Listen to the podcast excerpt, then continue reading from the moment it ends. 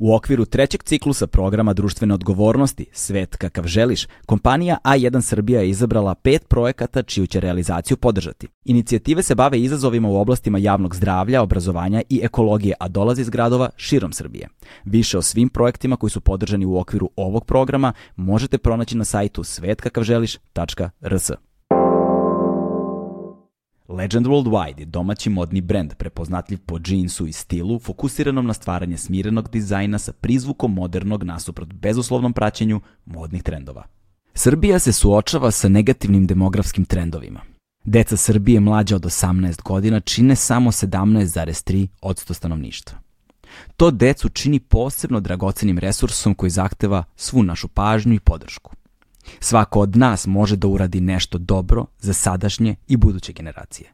Pošaljite SMS 200 ili 500 na broj 9656 i donirajte mesečno 200 ili 500 dinara. Time postajete član kluba prijatelja UNICEF-a, član zajednice posvećene deci, našem najvrednijem resursu.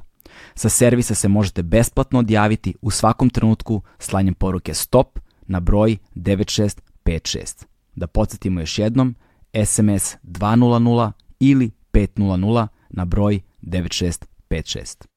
A sada želim da predstavim svog sledećeg gosta i razlog zbog kojeg se nalazimo ovde u Sarajevu. U pitanju Jovan Marjanović, koga znaju mnogi kao Joja, dakle u javnom prostoru i njegovi naravno bliski poznanici. On je novi direktor Sarajevo Film Festivala, ali bez obzira na to čovek koji je veoma dugo na samom festivalu, negde od njegovih začetaka, sredinom 90. godina, prolazio i radio različite poslove u okviru festivala, napredovao vremenom i već e, i ne, negde najkompletnija, verovatno i najsposobnija osoba da preuzme tu funkciju nakon toliko godina a, i danas ćemo razgovarati sa njime iz dva razloga. Prvi je zato što nam predstoji, dakle, Novi Sarajevo Film Festival koji sa svojim bogatim sadržajem predstavlja svakako jedno od najznačajnijih kulturnih tačaka celokupnog regiona u tom kratkom periodu, 7 dana trajanja festivala. Pored toga, zbog svih stvari koje taj festival inače nudi van svog a, samo programa prikazivanja filmova i takmičarskog dela programa u kojem ima je dakle i deo koji je posvećen profesionalcima i a, u samoj industriji koji omogućavaju dakle platforme za umrežavanje i kreiranje mogućnosti da se stvori a, zdravija filmska industrija i serijska u ovom slučaju pošto to takođe tema dakle o posljednjih nekoliko godina kao što znamo odnosi streaming platforma prema tome kablovskih operatera prema tome i tako dalje sve ćete to čuti naravno u razgovoru ali još jedna stvar koja je takođe negde iza nas, važno da je pomenemo, jeste da ćemo na ovom izdanju Sarajevskog filmskog festivala takođe imati svoje mesto, tako da će Agelast podcast od ove godine biti i na Sarajevo film festivalu i pored svojih standardnih podcast epizoda dobijat ćete u tokom, tokom trajanja festivala bonus, odnosno dodatne epizode koje će biti posvećene razgovorima sa ljudima iz sveta filmske industrije u regionu i ukoliko bude prilike sa nekim od svetskih poznatih uh, uh, kinematografa, odnosno ljudi u filmskoj industriji, bez obzira da su to glumci, reditelji ili šta god, uh, koji će biti gosti ovogodišnjeg festivala. Uh, još uvek program nije objavljen, tako da o imenima još uvek ne možemo da govorimo, ali pratite nas i uskoro ćete dobiti dodatne informacije. Dakle, moj sledeći gost Jovan Marjanović, Sarajevo Film Festival. Uživajte.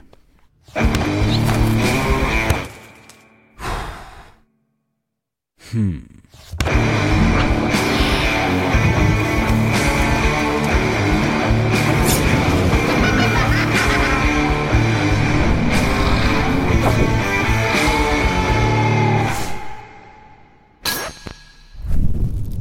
Možemo da počnemo.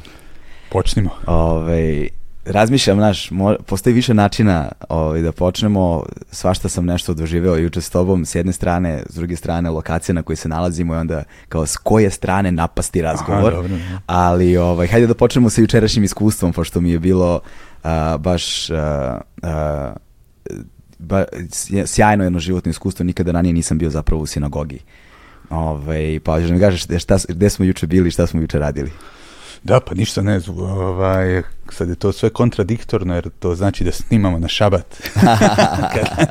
da, da, da, da, da. Ali mislim da ta kontradikcija je sasvim u stvari ok. Mm -hmm. uh, pa ništa ne, jučer smo bili u jednoj, ajmo, ajmo reći, uh, maloj, nekad velikoj jevrijskoj uh, zajednici u Sarajevu, onome što je, što je od nje ostalo i, i kako potičem jel, jednim dijelom iz uh, upravo te zajednice, ovaj, bitno mi je da, da sam tu aktivan, prisutan i tako dalje. Tako da te neke tačke uh, neurološke, hajmo reći, petak na večer, uh, subota ujutru, praznici, me, ako me neko traži, može me naći tamo. Da. Dakle, bili smo u, u sinagogi na večernjoj molitvi i druženju prigodnom nakon Da. nje uz kiduš i, i, i ono već što, što se A, radi. jel? koliko sinagoga zapravo ima u Sarajevu? Pa ovo je jedina aktivna u kojoj smo Mhm. bili. Dakle, To. ona je, ona je jedina aktivna, prije ih je bilo dosta. Jedna je muzej sada, druga je jevreja, Mhm. druga je galerija, o, isto koja pripada jevrijskoj opštini. E, najveća, dakle najveći hram je trenutno dvorana za koncerte i na kraju krajeva kino u kojem se održao prvi Sarajevo Film Festival, tako da evo kako se stvari Da, da, da. onaj, stvari spajaju i, i jedna je van funkcije. Ima, eto, to je manje, Da. bilo i neki koji su u međuvremenu srušeni, promijenjeni, ali to su te Mhm. glavne i jedna Da. jedina aktivna. A kakva je, uh, kakva je ovo sinagoga? Ovo je uh, Aškenaska sinagoga Mhm. u smislu da su izgradili jevreji koji su u Bosnu i Hercegovinu došli sa austro-ugarskom Mhm. uh, monarhijom, dakle iz Austrije, Njemačke, Češke.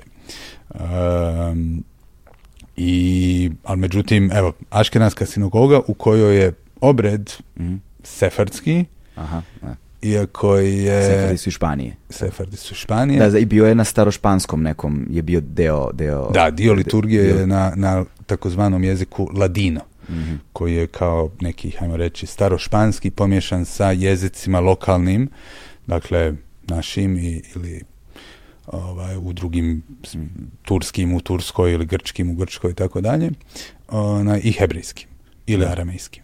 Tako da to je, to je ladino. Onaj, ladino možda priča nekih 200.000 ljudi trenutno na svijetu, to je sve, poprilično je umirući jezik, uh, ali evo imaju katedre na fakultetima, imaju godišnji da, da, da. sastanci i Jasno. sve to pokušava se održati jezik. Jedan od načina i tako, dakle, da, da, da i dalje dio liturgije u, u Mhm. zajednicama koje su tradicionalno sefardske.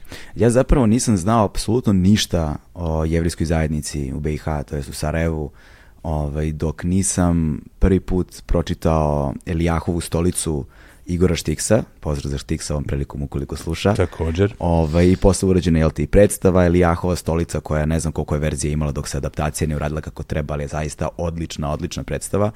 I ovaj, sudbina uh, bosanskih jevreja je zapravo prilično tragična uh, na, na ovim prostorima i koliko je velika zajednica u stvari ukupno sada ostala. Pa nažalost sudbina je tragična širom ovaj, Evrope, pogotovo Balkana. Mm. Dakle, to su zajednice koje su dovedene, eh, naravno, holokaustom prije svega, 90% je ubijeno ovaj, eh, eh, zajednice u Bosni i Hercegovini, dakle od nekih 12 i po hiljada u Sarajevu 41. godine, 45. je dočekalo jedva dvije.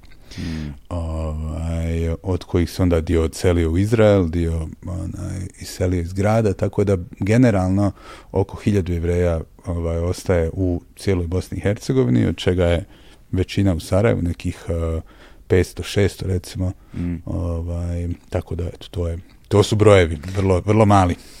Da, i zanimljivo je sada, evo, da ne bude da sad ova priča e, ne, ni, ni na koji način povezana sa, sa Sarajevo Film Festivalom, zapravo jeste na mnogo različitih načina, ovaj, jer smo kroz razgovor juče uspeli da shvatimo da se matrice ponavljaju. Zato jesu matrice, nekako se istorija ponavlja na različite načine, na različitim mestima, ali su šabloni potpuno jasni. Jer na neki način ti si takođe doživio sličnu sudbinu ovaj, odlaskom u, u, kao što su tada odlazili jel te, za Izrael i druge zemlje, tako si i ti početkom rata na ovim prostorima otišao uh, u Tel Aviv, jel tako? Da, pa eto, Da. to je, to je bio sigurno Koliko si ti imao godina tada? 14. 14. I kako je izgledao život u Tel Avivu kad si stigao? Pa uh, u odnosu na ovo što, što, što je bilo ovdje izgleda je fantastično. Ovaj, ne bio onako sa, sa drugovima, dakle sa vršnjacima jel, u, u, u internatu. tako da imao tu jednu dozu, uh, kako da kažem, slobode u smislu aha, živimo sami i, i, i, i nekako izgrađujemo sebe i um, slobodni smo na neki način, tako da imao, imao je jako puno pozitivnih strana. S druge strane, bila je naravno žal za kućom, za porodicom, za svim onim što je, što je ostalo. Mm. Znaš, tu se komuniciralo preko radio amatera i sličnih uh, stvari i dalje sa onaj, kako, jel, kako komunicirati sa Sarajevom, kasnije putem nekog satelitskog telefona, pa onda mm. su nekad se uključile i neke telefonske linije, ali u svakom slučaju to je bilo jel, jednom sedmično, ako se uspije doći do tog, do tačke koja je bila upravo u jevrijskoj opštini ovdje u Sarajevu iz, iz koje se dakle, moglo mm. to nešto kao telefonirati. Uh, tako da, naravno, vijesti su bile sporadične i sve je bilo onako, dakle, taj aspekt nije bio lak. A s druge strane je bio neki život koji je bio, hajmo reći, uzbudljiv u smislu jel, toga da, da, da jel, živiš sa, sa 400-500 svojih nekako vršnjaka i sa svim onim što to nosi generalno onaj, je bilo dobro. Da.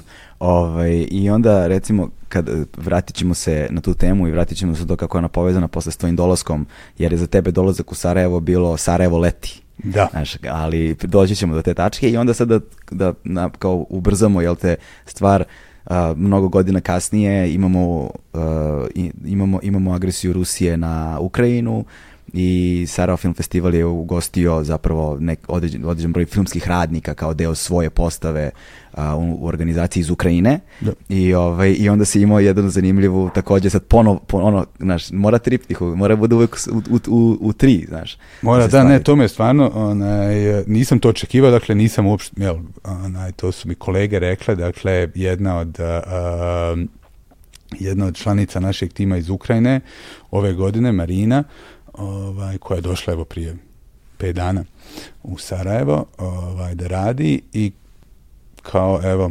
onaj, moj sin od 13 godina je sada u Izraelu i, i rekli su mi tvoje kolege da onaj, ti imaš sličnu priču.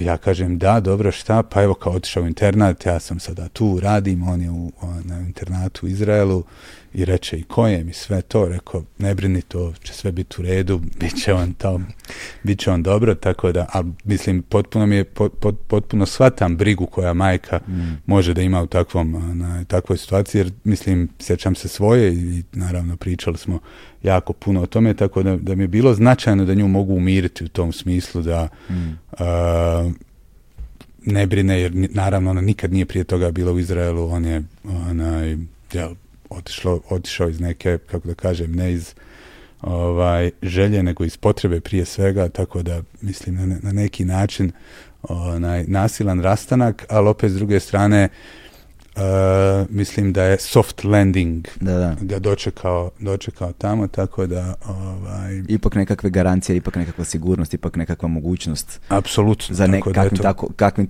koliko toliko normalnim životom. Mislim da je i njoj bilo olakšanje da to čuje od Svakako. I vidjevši ovdje sad nekako je to mm. svi u nas. Ovaj, e sada, sada da krenemo sa druge strane, ovaj, nalazimo se na, u, u bioskopskoj sali ili kino sali na jednoj vrlo posebno, jednoj vrlo posebnoj lokaciji, uh, pa bih dao tebi reći da kažeš koja je ovo lokacija i zašto je ona tako važna. Pa ona je važna jer uh, je ovo, dakle, kino sala koju smo, dakle, mi sa Sarajevo Film Festivala, Obal Art Center, dakle, uh, u principu opremili kao kino salu, ovo je Dom kulture, trasa uh, prijeratni i uh, tada, 97. kad je to napravljeno, bilo je, hajmo reći, prvo moderno kino u, u gradu ovaj, i nekako mjesto koje je postalo legendarno u tom smislu jer je ugostilo nema koga nije. Da. Ovaj, I kakvih je ovdje sve projekcija bilo i cijelonočnih i kakvih ima i dan danas, jel?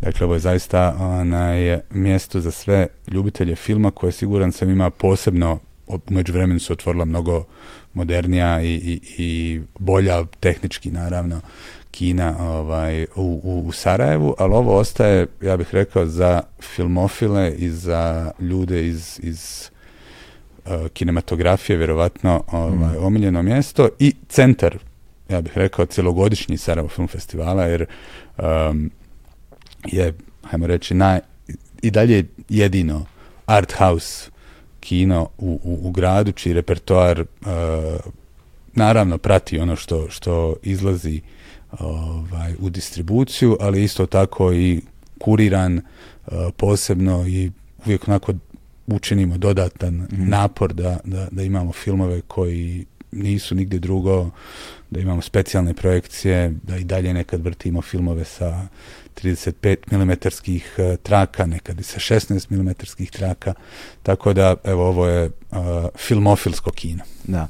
A zanimljivo je nekada u vreme u staroj Jugoslaviji Pulski festival je bio jel te najveći filmski festival, Sarajevo film festival je to definitivno preuzeo već godinama unazad, ali nešto što ima snagu i veličinu Sarajevo film festivala ne nastaje preko noći.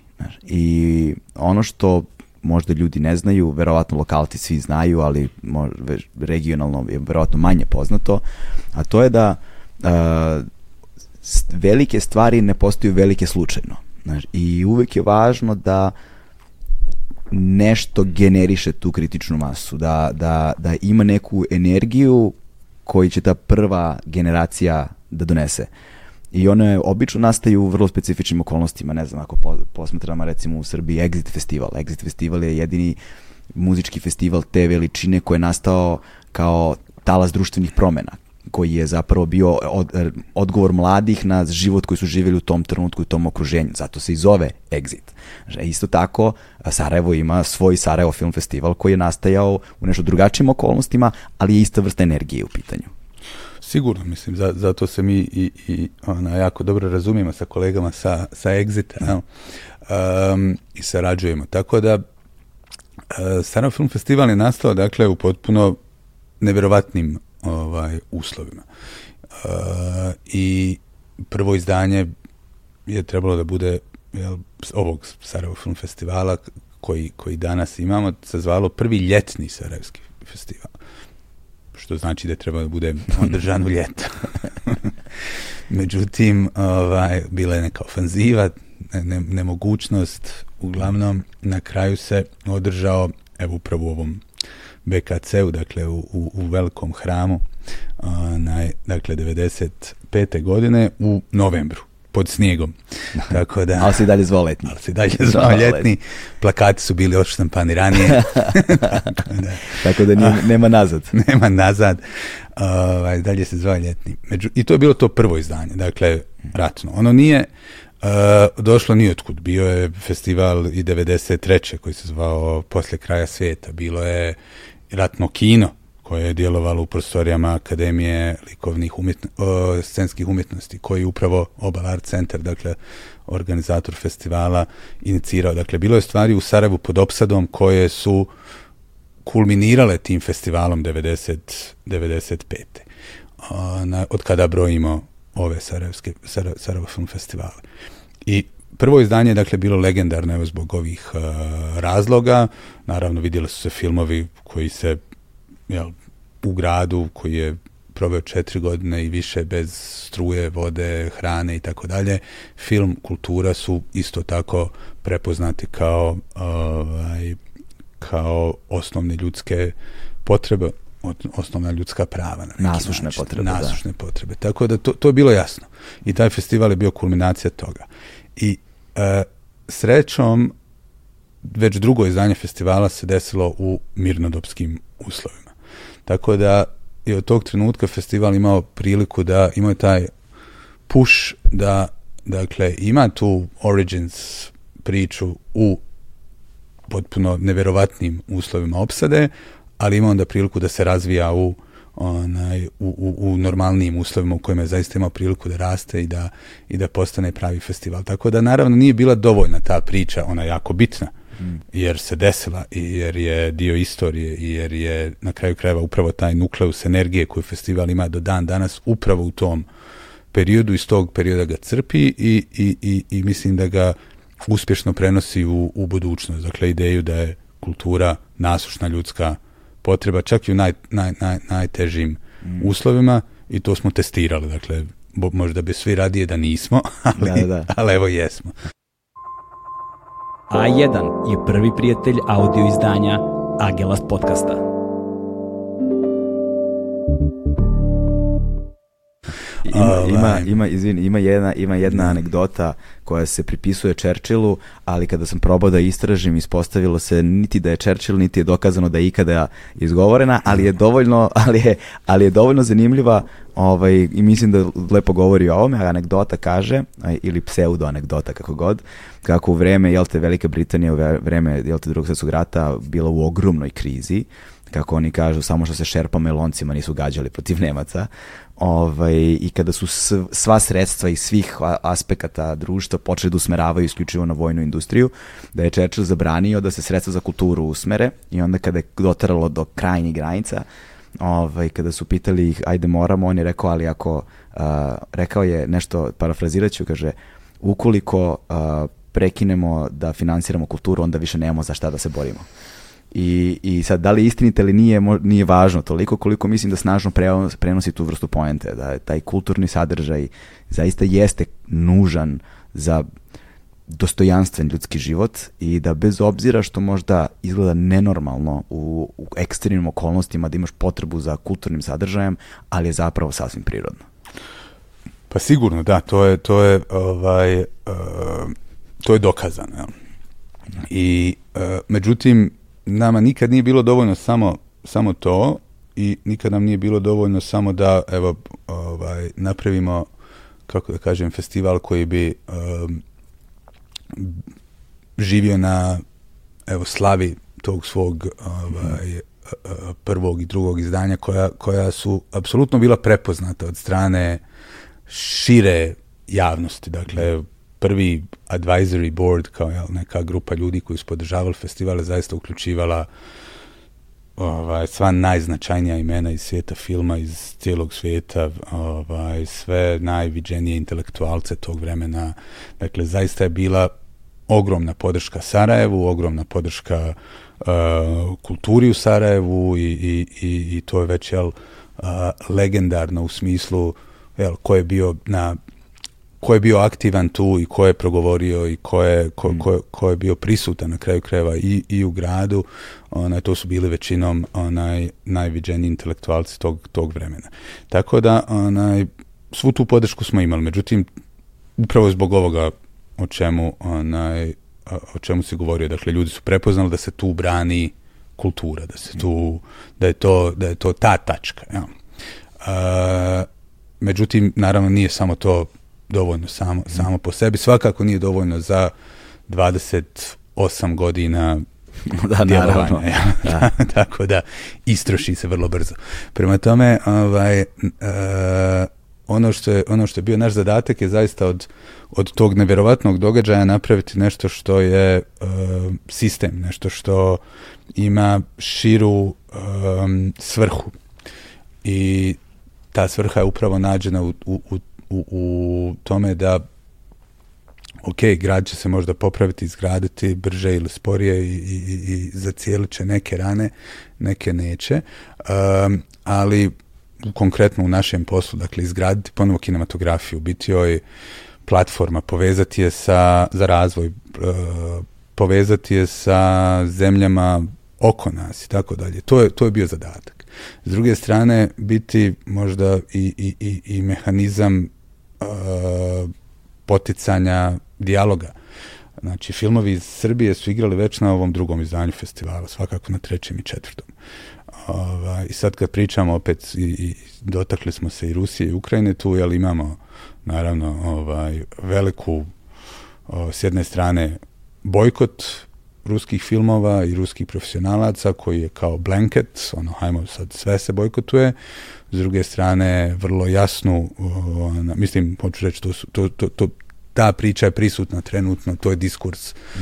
Il, ili se bojkotuje, ili onaj, um, uh, uh, uh, jel, naravno, u, u Kanu smo imali naravno nekoliko ruskih filmova i to autora koji su disidenti mm -hmm. onaj, praktično, ali tu je bilo glasova čak i da se takvi onaj, filmovi ne, ne prikazuju. Ja razumijem da je to naravno daje neku ovaj, na, na, ovoku, na, na prvom emotivnom evo, nivou kolegama u Ukrajini da je to značajno, da je to da, da oni vide to kao dio borbe, kao dio svoje borbe. Međutim, s druge strane, naše iskustvo je da upravo ovaj dijalog bio ključan da, da onaj, napravi od festivala ovo što, ovo što jeste, dakle, platformu za, za sviju. I to je, gdje god sam mogao to da kažem, sam, sam rekao u tom kontekstu Rusije i Ukrajine, razumijem da nešto ne može sada proći, da boli, da je, da, da, da, da je teško, ali mislim da se jednostavno mostovi moraju ovaj, graditi i da festivali mogu biti ovaj, mjesto za tako nešto. Mjesto za tako nešto i da jesu, evo, iz našeg, iz našeg iskustva jesu. Da, i da treba da budu prisutni ono i ruski i ukrajinski filmovi, znači da, da kvalitet Naravno, treba da bude ne propagandni. Ne propagandni, da, da, kvalitet treba da bude merilo i umetnost služi to je jedna od najvećih funkcija društvenih umetnosti, posebno angažovane umetnosti. Upravo da sprečava takvu vrstu sukoba, između, između ostalog. Ovaj, a, važno mi je također da pomenemo da u tom periodu, tim, tim prvim izdanjima jel te, festivala, ta, taj, taj kontrast jel te, stvarnosti koja se živi i ono bioskopske publike s druge strane je imala neke čudne nus pojave, a to je da kako je publika mogla da dolazi da gleda filmove, koliko je velika ta publika bila, kako se ta publika okupljala, pošto u to vrijeme je vjerojatno bio policijski čas i šta ja znam i nisu mogli da stoje na ulici, na primjer morali su svi da budu stalno u nekom zatvorenom prostoru. Da, govoriš za vrijeme, za vrijeme opsade, da. Pa eto, sigurno. Dakle, poznato je, dakle, jel, naše otvoreno kino na igralištu Metalac, jel, koje prima preko 3000 ljudi u zavisnosti od interesa, može, nekad može i četiri, da, da, ali hajde da, naj, da se vratimo na ovaj sigurnosni aspekt. ovo ratno kino koje sam spominjao, dakle obala, obalno ratno kino ili festival 95. Jel, morali su biti održavani u, u, zatvorenom upravo zbog mhm. ovaj, opasnosti, jel, što od snajpera, to što od granatiranja i tako dalje, tako da generalno je bilo zabranjeno okupljanje u većim onaj, brojevima.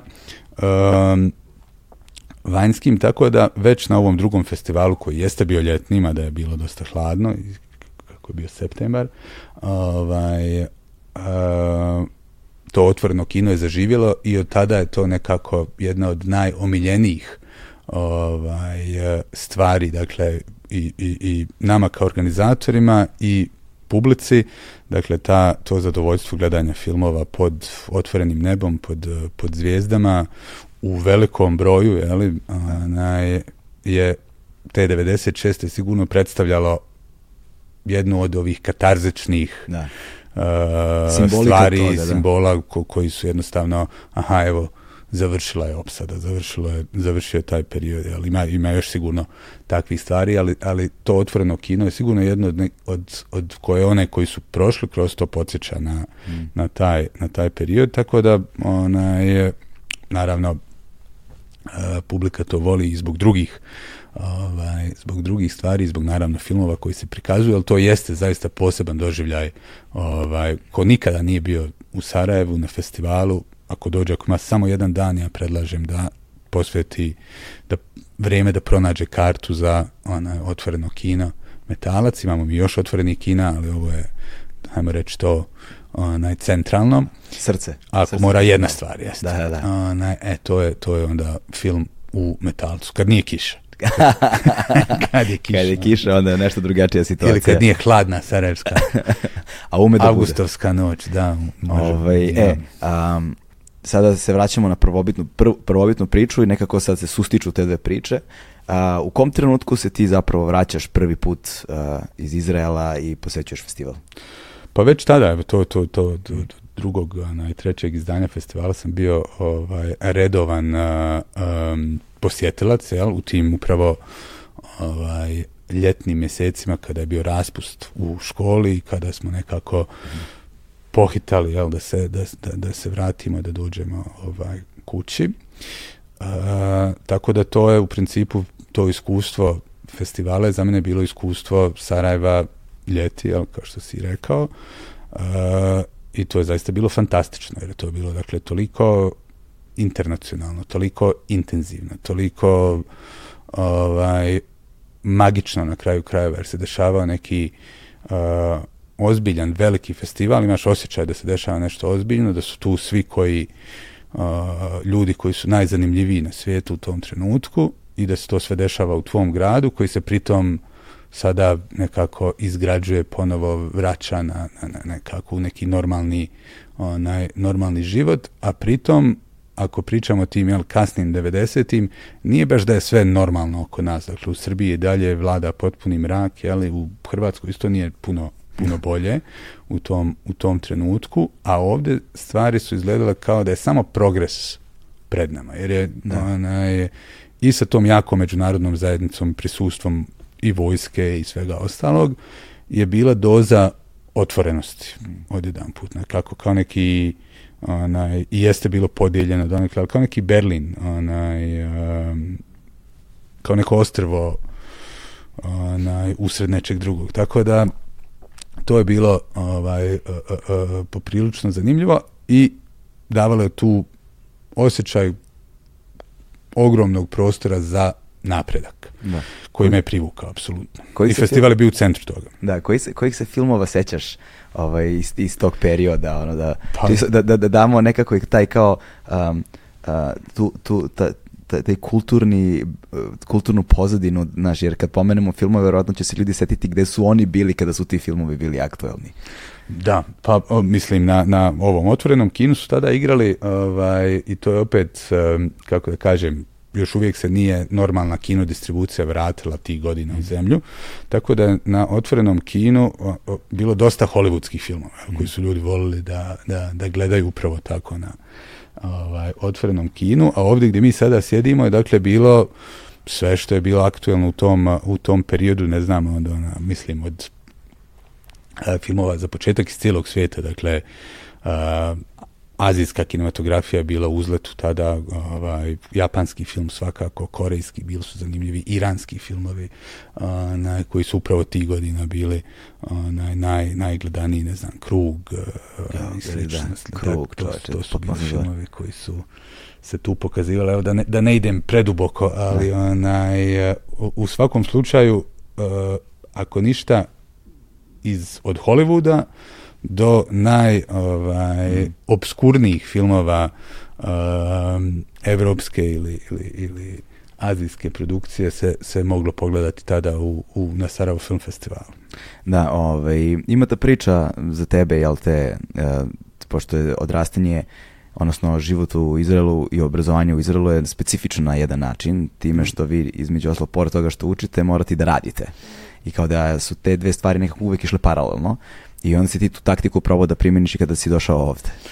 Da, i prvi posao je bio na, na, na Bauštelu, um, u tom nekom pionirskom duhu, evo kao izgrađuje se sve, ali nisam dugo trajao. To, to, to je bilo možda nekih sedam Ipak dana. Ipak si ti fini radnik iz kulture.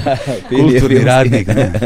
Tako da, ovaj, e onda je bilo kao možda nešto na festivalu. Kad ne, nije ta kičma za cement napravljena to je bilo malo pre hardcore, ovaj, mada i ovde nije falilo onaj, uh, i, i sastavljanja skele i nosanja stolica i kopanja i tako dalje, jer se dakle kako nije bilo infrastrukture, da mi smo sve lokacije izgrađivali i pretvarali u, u uh, jel kao nema gdje će biti parti za, za otvaranje, aha, evo ima razrušena pošta, hajde ako malo raščistimo, može tu. da, da, da, da. Vidio sam ima... fotografije kako je izgledao, zapravo ima, ima ovde na zidovima ovog meeting pointa, da. ima ne, negde, negde da se vidi zapravo evolucija ovog prostora da. koji danas izgleda divno. Da, pa dobro, hajde, ovaj prostor je već naj, kako da kažem, taj, ovaj je još bio i najnoviji. Da, da, da. Nekako smo ga mogli iz, iz, od početka napraviti, zaista je bio, bio super, ali ne, i vječnica recimo Sarajevska ona, je mjesto koje ovaj, ili Bezistan su mjesta koja smo mi čistili kako bi u njima napravili neki događaj vezan za festival, projekciju, parti, prijem, šta god. Ovaj, tako da to su, to su bile, to su bile te, te aktivnosti i to je nekako i moj, moj, pr, moj prvi festival su bili upravo u toj tehničkoj ekipi. Kasnije sam onaj, naučio da puštam filmove, tako da sam radio ovdje kao kinooperater, Sačekaj, titler. Ali, ali prvo, dakle, e, koje ti prvo zaduženje bilo u okviru festivala? Uh, prvo je bilo u dizajn odjelu, dakle uh, naj, uh, uh, manje, manje ovaj, kako da kažem, manje fizički uh, zahtjevno, da, i upravo zato sam nekako i tražio neki kao transfer u, u, tehničku, u tehničku ekipu, tako da sam onda prešao tamo i to je bilo jel, uh, ove aktivnosti vezane za postavku kina, metalac i, i, i slične stvari, Ali- generalno nosanje projektora, postavljanje stvari i tako dalje. Ali plata bila besplatno gledanje filmova ili... E, ne, bila je neka platica. Ove, To je jedno od pravila festivala u principu. Da, Koliko god bilo moramo onaj, platiti ljude. Imaju volonteri, Mhm. ali oni su tu za tih desetak dana oko festivala i, i Mhm. onaj, najčešće su omladinci, mlađi su i tako dalje, onaj, imaju limitirana zaduženja. Ali, dakle, svako ko radi od, čega, od koga se očekuje da se festival od koga zavisi da se festival desi na taj način, treba da bude plaćen i to je od početka tako. Da. Ono zbog čega to pominjem jeste, e, dopada mi se činjenica da si zapravo na ovom festivalu negde od samog početka, ali i da si prošao negde kroz sve elemente festivala. Dakle, od ono tehničkih stvari, dizajnerskih stvari, fizikalija, ovoga i onoga, da si zapravo učestvovao negde u svakom od tih segmenata, a festival ima ogroman broj pokretnih delova i to je jedan kompleksan mehanizam i imaš negde zapravo duboko razumevanje svakog aspekta posla, što znači da možeš negde da se povežeš sa svakim zaposlenim na neki način. Možda razumeš i šta je to šta rade, i šta je to šta je njihova muka, i šta je to, na koji način možda oni mogu da posmatraju i razmišljaju i osvetljavaju problem sa neki, sa različitih aspekata i mislim da je to zaista vredno i svi ljudi koje sam upoznao bez obzira na delatnost u kojoj su, a koji imaju tu evoluciju. Dakle, da nisu došli u nekom trenutku odmah na neku izvršnu poziciju, menadžersku poziciju, kuratorsku, ovakvu ili onakvu, nego neko ko je zaista prošao sve aspekte posla, to su ljudi ono zlata vredni. Te njih čuvaš kao malo vode na dlanu, jer oni su negde nosioci uh, i simboli festivala. Znači, i sada sva ta evolucija nakon toliko godina, koliko prošlo godina od tad? Ne, Ne ja ne umem ni da računam više, ne smem, ni ne smem. 22, 3, 4. 23, 4, ovaj, sad si na poziciji direktora festivala. Da. Što je zaista jedan im- impresivan put i negde a, a, osvetljava možda sada i kao trasu za dalju inovaciji za daljem razvoju festivala, o čemu ćemo govoriti nešto kasnije. Um, ono zbog čega sad mi sedimo ovde i pričamo o filmskom festivalu i ovim svim stvarima jeste ne zbog toga što ovaj, što jeste negde osnovna funkcija festivala, to je puštanje filmova. kao treba, treba da se pušte filmovi, ali imaš to kao inicijalnu stvar, ali ima i sve ono što zapravo festival čini festivalom i što ga čini važnim segmentom jednog društva. A, pa bih volio sada u kom trenutku i na koji način, evo, negde si već naglasio da je počelo već sa drugim izdanjem festivala, ovaj, festival nije samo puštanje filmova. Nije, nije. I već u stvari od prvog izdanja Da. onaj, postoji legendarna lista nekih deset ciljeva koji onaj, su se postavili kao ciljev festivala. Koja je to legendarna lista, ali možeš, jel je znaš na pamet? E, pa, u stvari je znam na pamet, jel, za- bez obzira što, onaj, što je nismo uopšte dok, dok, e, dok nismo došli u situaciju da pišemo ove beskonačne aplikacije za europske fondove i tako dalje, da. projekte, onaj, ta lista je više bila kao neki nama putokaz, a onda u stvari se shvatilo da je to vrlo zgodan uh, ustav, statut koji se kao nekako na, na, na početak svake te aplikacije, a šta su ciljevi vaše organizacije, u stvari smo imali gdje da se vratimo, imali smo taj neki onaj, uh, tekst koji, kojim smo se vodili, koji je bio rezultat ne želje za fundraisingom, nego upravo potrebe, aha, šta mi radimo, šta je, šta je, šta je naš, naš posao. I to je, to je jako dobro da u stvari onaj, su ti ciljevi proistekli prirodno iz grupe ljudi koja je ovo pokrenula kao, jel, stavili su na papir svoje, svoje ciljeve u trenutku u komu to, to nije bilo uopšte oportuno, nego je bila njihova, ovaj, njihova želja. I to je, to je jako dobro da, da, da imamo nešto tako. I to je uključivalo naravno prikazivanje najkvalitetnijih filmova građanima koji im nemaju pristup, možda im tih prvih godina nisu imali pristup zato što je jel, grad bio u, u, u pod opsadom i, i tako dalje, ali kasnije to su postale jel, neke uh, distributeri ne kupuju te filmove ili to nisu filmovi koji su zanimljivi za tržište i slično ili idemo još dalje da nađemo dakle šta je naj, najzanimljivije dakle našoj, našoj publici, ali to je uvijek bila i uh, jedan od ciljeva uvijek bio da se autorima dakle kako režiserima, producentima uh, omogući da uh, svoje filmove predstave publici, da se susretnu, jeli? a naj, drugo da, im, da ih se poveže sa drugim ljudima koji su ovaj, mogu biti od koristi za njihove projekte, odnosno da na neki način djelujemo i prema publici, ali i prema onim koji filmove prave i da za njih kreiramo najbolju moguću ovaj okolinu kako bi radili na svojim projektima, kako bi ih kasnije predstavili publici, mm. tako dalje. Tako da je u stvari, pored prikazivanja i sama kinematografija u smislu razvoja, proizvodnje i plasmana filmova uvijek bila značajan segment festivala, jer je dio naših ovih ciljeva o kojima smo prvobitnih, o kojima smo govorili. Dakle, a često festivali nemaju tu taj ovaj, pogled u startu, jer ne nastaju u uslovima u kojima ovaj festival nastao. Dakle, uh, kinematografija kakva je postojala u Jugoslaviji, u Bosni i Hercegovini prije mm.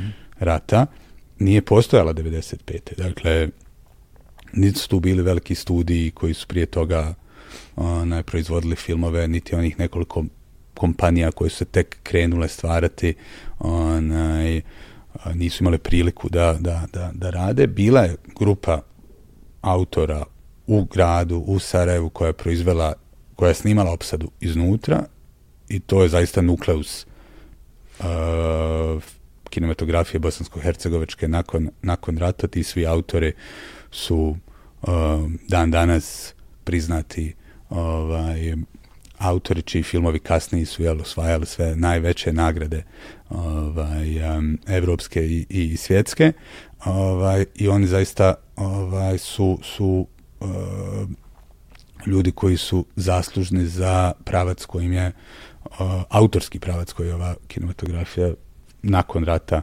onaj uspostavila. A festival je bio platforma mm. za njih i upravo ne samo, za, ne, ne samo da se morao ponovo izmisliti sistem na koji način mi funkcionišemo, na koji način se filmovi ovaj rade, pogotovo mislim, ok, u ratu, ali kako se onda to prenosi u neku onaj, u neko mirnodopsko vrijeme i kako može da se, da se razvija.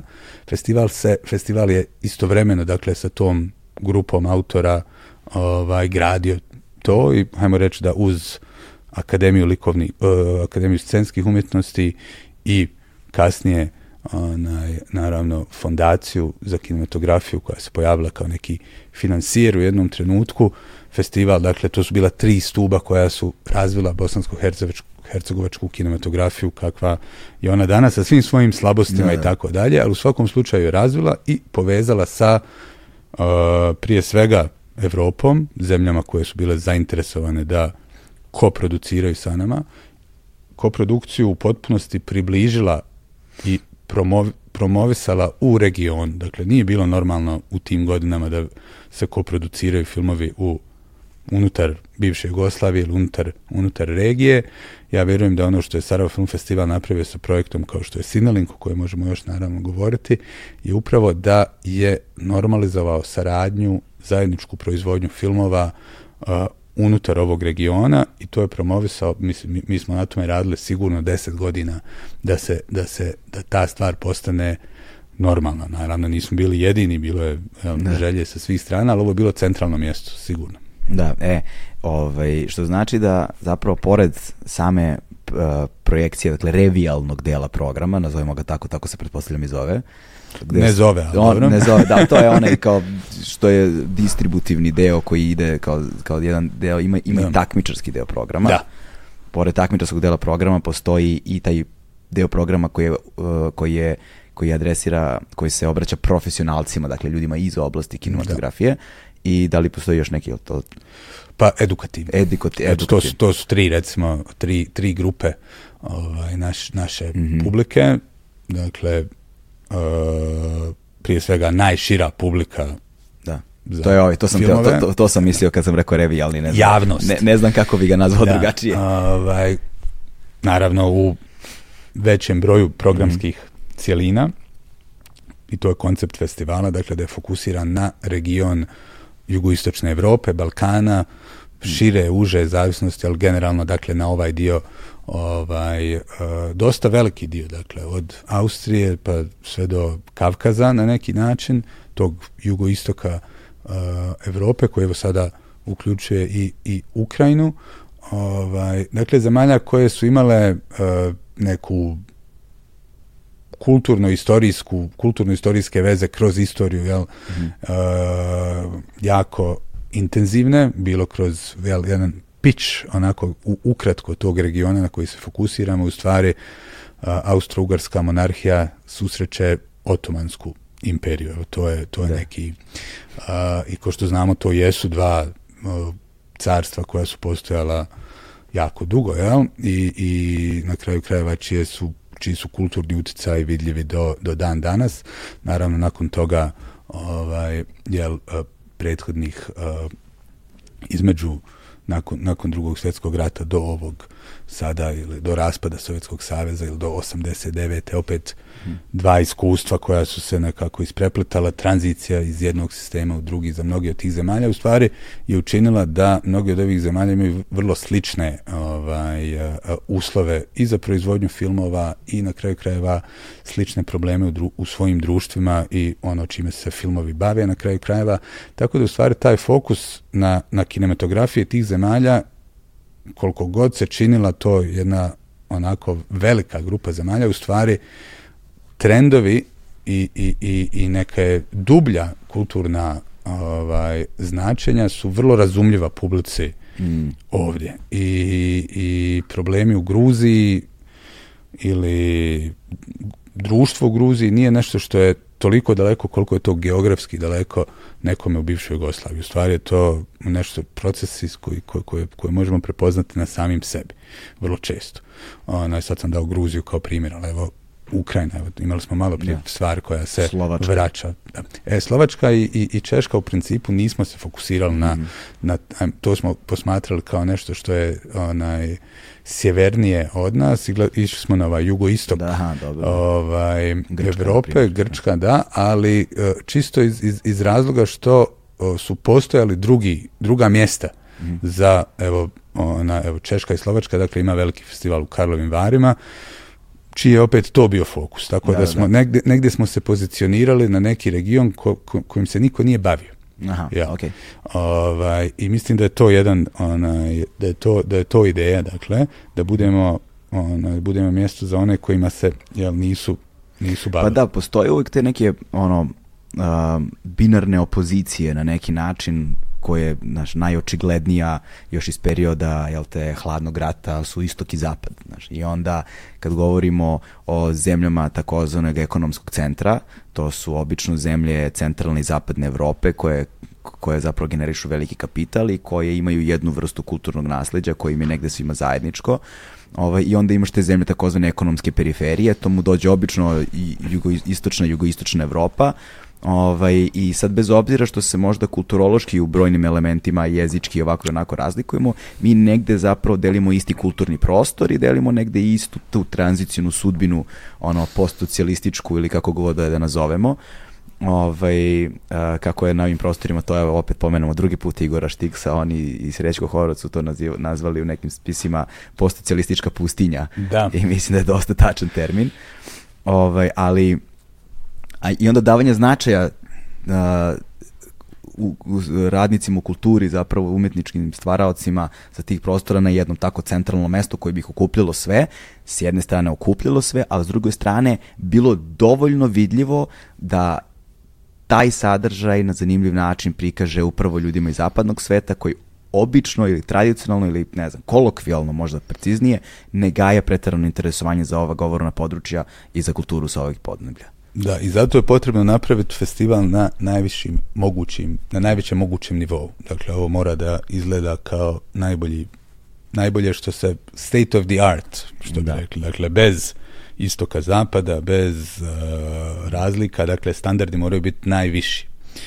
I, I ta izvrsnost je nešto što nas vodi, ja mislim, težnja ka toj izvrsnosti je nešto što nas vodi već od, od ovih naj... Mhm ranijih izdanja onaj, festivala. Tako da bez obzira što prikazujemo filmove iz ove pustinje u kojoj je Štiks govorio, onaj, mada naravno je to samo onaj, figurativno, ali e, e, ona moraju da izgledaju kao da, kao da su u svemiru, a ne u da. pustinji. Dakle, to je to je ideja. Uh, crveni tepih festivalski je često kritikovana stvar iz uh, jel, naj, najlakše je kritikovati, ja, kao to je pompezni, ne znam, elitistički, elitistički neki stvar, a opet s druge strane, onaj, to je mjesto na kojem, evo, autori mogu da dobiju ovu medijsku pažnju o kojoj govorimo. Dakle, to je samo format ovaj, koji odgovara medijima ovaj, i koji dobro izgleda na, na, na, na, na televiziji i daje pažnju, zaista onda skreće pažnju na, na, na filmove koji inače možda ne bi imali ili na, na narative koji ne bi dobili svoj prostor. A to su sve vrlo važni filmovi i važni narativi koji na taj način dolaze do mnogo šireg kruga onaj, ljudi. Tako da to je jedan od načina, što ne znači da na festivalu nema underground onaj, kako da kažem, dijela stvari i, i jednostavno pronalazak balansa između toga dvog je, je nešto što je moguće i mislim da festival to na najbolji način, Sarajevo Film Festival na najbolji način to pokazuje. Ali mislim da je i nužno u velikoj meri. To je ono što pretpostavljam da ljudima često teško da razumeju i to je matrica koja se ne viđa samo u okviru sad govori o tvom festivalu, u, uopšteno u društvu, u životu, u bilo kojim aspektima društva, to je da obično kada imaš nekoga, obično kada imaš tu vrstu polarizacije negde gde ono kažeš mi i oni, znaš, uvek postoji neki drugi, jel te? Ovaj, onda se, onda postoji ta neka uh, iracionalna negde uh, tendencija ka dubljem raslojavanju, ka dubljem ono, traženju tih razlika i produbljivanju tih razlika, umesto da se ide onim težim putem, zahtevnijim, jel te, i mukotrpnijim, i vrlo često nezahvalnijim, ali dugoročno nužnim, a, a to je zapravo put e, da pronađemo koje su nam tačke podudaranja i da gradimo te mostove ono poverenja i odnosa u kojima da crveni tepih ili šta god, šta, šta god da su ti možda neki kulturne matrice recimo iz zapadnog društva koje su postale globalni fenomen, jer te negde neodvojivi aspekt celokupne filmske industrije ovaj, da li ga je sad Hollywood izmislio ili ko, ne znam, ne znam, ne znam istoriju zapravo crvenog tepiha zaista, ne znam ni zašto je crven kad smo već kod toga, ovaj, ali, uh, ali prosto usvajanje tih elemenata uh, čini da celokupna stvar, barem u svoj formalnom obliku, bude približena svima onima kojima želimo da se približimo, a onda unutar tog formata da nudimo sadržaj koji ima različitosti na koje inače ne bi mogli da nalete. I onda s jedne strane ovima sa takozvanog istočnog, bez obzira što je to nezahvalna podela, nudimo mogućnost onog zapadnog, ali i onim zapadnim nudimo mogućnost ovog istočnog i da to bude negde jedno zborno mesto gde te razlike ne bi trebalo zapravo da, vid, da, da postoji, da se vide, nego da kao neka, nekakva platforma da se umrežavamo i uzemno upoznajemo. Jer jednom kad se upoznamo, onda će nam biti mnogo lakše svima.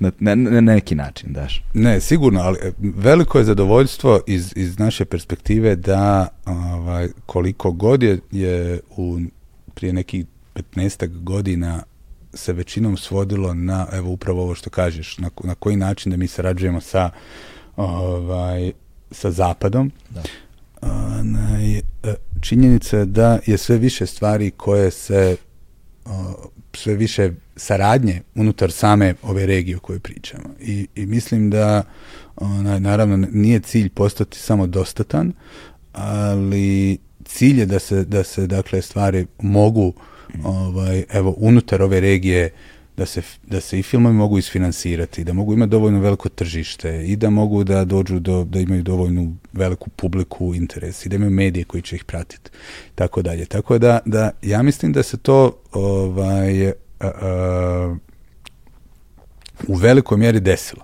Da. I da sada onaj, smo barem po tom pitanju u mnogo boljoj poziciji nego što smo. Ne moramo da čekamo da nas neko prepozna, da nam neko da, kako da kažem, onaj, uh, slamku za koju ćemo se uhvatiti kako bi došli do nekog šireg. Mm. Imamo stvari, evo ovdje kod kuće i na neki način onaj, uh, mi barem bi volili da je Sarajevo u tom smislu, Sarajevo Film Festival, kuća za cijeli ovaj Da. region i mjesto sa kojeg dakle mogu i da lansiraju svoje filmove i da pripremaju nove i da dođu do onaj, najšire medijske pažnje i sve ono što je potrebno kako bi, kako bi ono što rade došlo do publike. Da, to je sad zanimljivo zato što ovaj, pomenuli smo već nekoliko puta tu medijsku pažnju, ispostavit će se da će ta medijska pažnja prevashodno televizijska i serijska, odno govorimo o platformama za streaming i tako dalje, od početi da igraju ključnu ulogu u ovim modernijim vremenima, ali doći ćemo do, tog, do te tačke, posebno do njihove uloge kada budemo govorili o pandemiji i šta ti ja znam. Ali da se sad vratimo malo da se fokusiramo na re- re- reg- regionalnu publiku, da se fokusiramo na regionalni deo programa i na regionalne autore. A, to je da ta- taj, taj takmičarski deo, ovaj, um, ja nekako nikad ne volim kao da neki deo takmičarski, ali negde je nužno da bude u, u određenom opet formatu koji je zahvalan za publiku, jer bez publike opet ne postojimo, jel te, to nam je svima ova sudbina. Um, dakle, taj regionalni deo a, se nekako stalno proširuje. Mhm. Ovaj, I evo ove godine uključuje i Ukrajinu kao a, legitimnog regionalnog takmi, u takmičarskom delu programa, jel tako? Jel imamo novije filmove iz Ukrajine sad, ko, koliko će da ih bude i šta ima? Pa e, da, ima filmova koji su proizvedeni, onaj, igranih, dokumentarnih svakako, koji se i sada rade. Onaj, e, ima filmova koji su proizvedeni prije rata, naravno, tako da prikazat ćemo nekoliko, i nekoliko i, i, i novih i nekoliko onaj, em, nekih od ranije.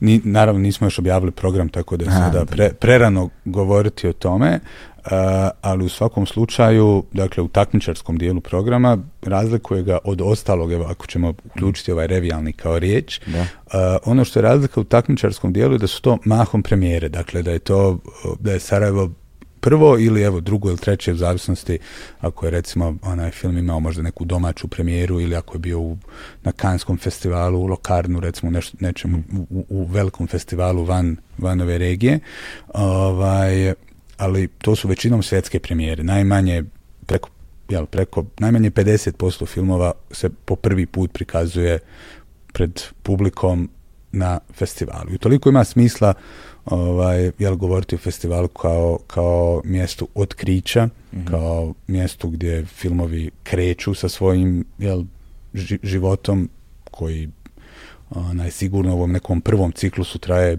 godinu dana u, u smislu festivalske promocije, onaj, pa onda ulazi u neku distribuciju domaću, svjetsku, pa dolazi u različite medije, bioskopska distribucija, televizija, streaming i tako dalje. Jel? Onaj, u svakom slučaju festival igra, festivali igraju značajnu ulogu tih godinu dana u kojima su filmovi u tom nekom krugu festivalskom, jeli?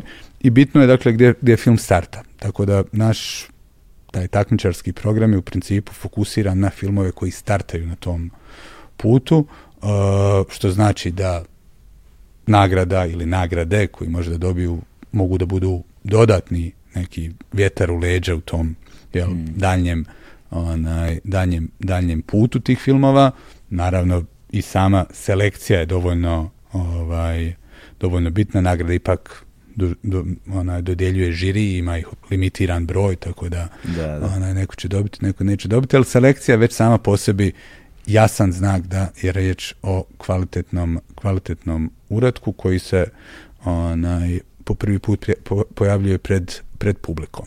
Uh, I ti filmovi dolaze iz regije, utoliko želimo da kažemo da se u takmičarskim selekcijama za igrani film, za dokumentarni film, za kratki film, za studentski film, dakle može vidjeti ono najbolje iz ove regije koju smo sada definisali kao jugoistočna Europa, Balkan i tako dalje. Neka će ona biti samo bivša Jugoslavija u slučaju serija recimo. Da, e, da, to sam htio Da. kažem. Od, kojeg, od prošle godine čini mi se su uključene sada uvrštene i serije u okviru uh, filmskog festivala, što je veoma zanimljiv fenomen i govori mnogo o vremenu u kojem živimo. Sigurno, s tim što, što, se, što, što smo mi prepoznali trend možda i, i, i nešto ranije. Dakle, prije sedam godina je na Sinelinku krenuo razvoj serijskih projekata, mhm. dakle scenarija. I sve do prošle godine, dakle, ni jedan od tih, svake godine u proteklih sedam smo, dakle, imali sedam, osam, deset projekata za serije. U stvari, prvi proizvedeni projekat je bila Nečista krv, onaj, koja je imala premijeru prošle godine, a koja je na Sinelinku kao projekat scenarij učestvovala nekoliko godina prije, mhm. prije toga. Onaj, jer stvari su bile spore. Dakle, nije se proizvodilo puno serija u bivšoj Jugoslaviji u svakom slučaju i onda u jednom trenutku se je krenuo bum, eksplodiralo, eksplodiralo prvo u Srbiji, pa evo sada se, se onaj, pokazuje da onaj, se i u BiH sprema sličan, onaj, talas. sličan talas.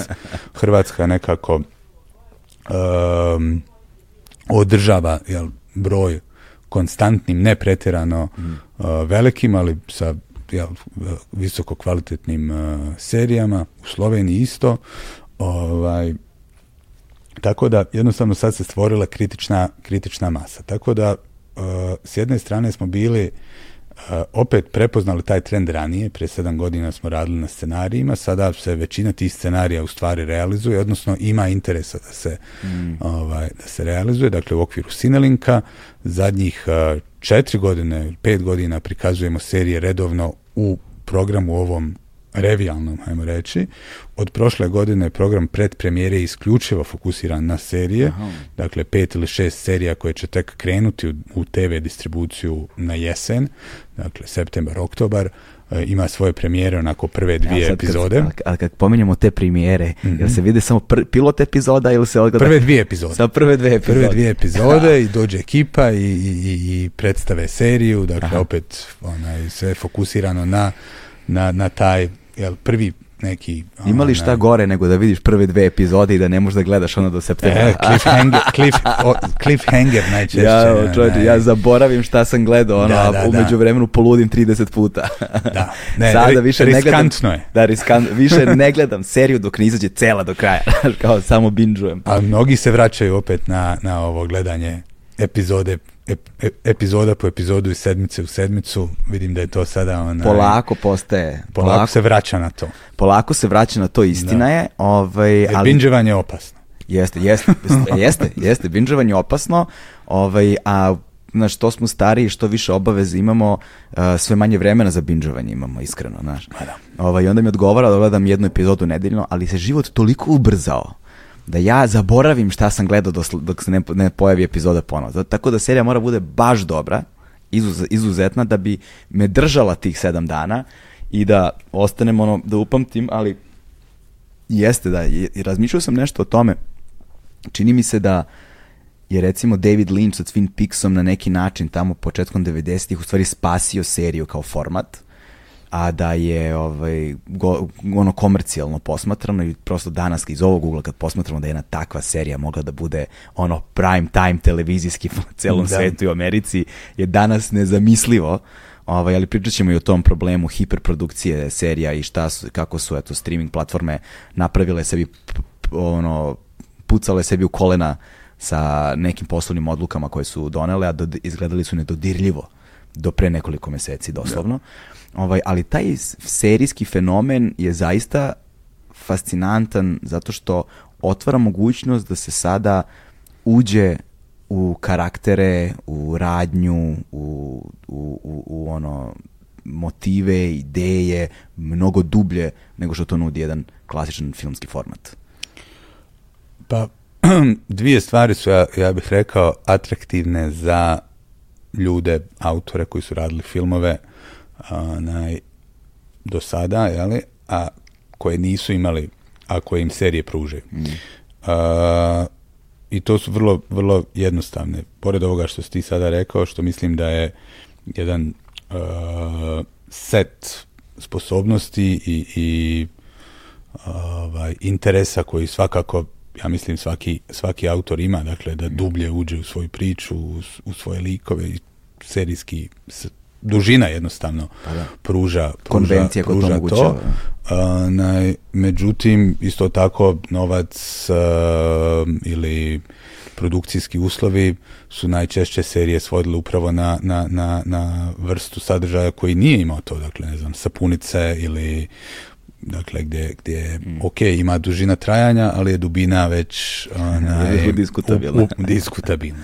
Dakle, način na koji se filmovi produciraju, što uvijek košta, se prebacuje na serijski sadržaj i to vodi ka na interesu filmskih autora za serijski format, evo u slučaju Linča ili kasnije onoga Sopranosa, The Wire-a, nešto što je. uh, označilo ovaj zlatno doba televizije, pa onda i evropske televizije, jer zaista od Skandinoara do, ne znam, onaj, španjolskih serija, njemačkih serija, talijanskih, koje su u potpunosti zavladale, dakle, ovaj, kontinentom u, u, u zadnjih deseta godina, 15, sada imamo i, i, i na Balkanu neku vrstu onaj, tog procvata, dakle, serija iz opet dva ključna razloga, to je da su se a, komercijalni uslovi, dakle, kompanije koje imaju novac i koje istovremeno imaju gledatelje, zainteresovale za proizvodnju te vrste sadržaja. Jer bez toga, dakle, bez telekoma, kablovskih operatera koji imaju pretplatnike, imaju interes da zadrže te pretplatnike, u stvari da im ponude sadržaj koji bi bio ekskluzivan, koji bi bio za, njim, za njih zanimljiv, relevantan, na njihovom jeziku eventualno, ili na razumljivom jeziku, pa kulturno razumljiv i tako dalje, onaj, pa samim tim i ekskluzivan, jer, jer, jer onaj, možda američku seriju mogu da pogledaju na nekom drugom onaj, kanalu, ali domaću ne.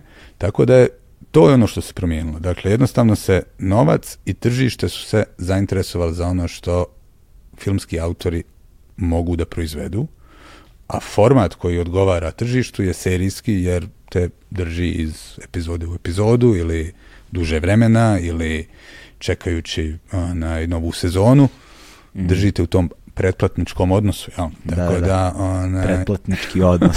da, E sad, ali taj pretplatnički odnos, ne pretplatnički odnos nužno, ali ta, te, te tržišne promene i ta, ta očigledna jedna a, proširivanje kulturnog delovanja, dakle, tog dela biznisa, ovaj, verovatno otvorilo i jedan, jedan no- novi potencijal saradnje sa festivalom.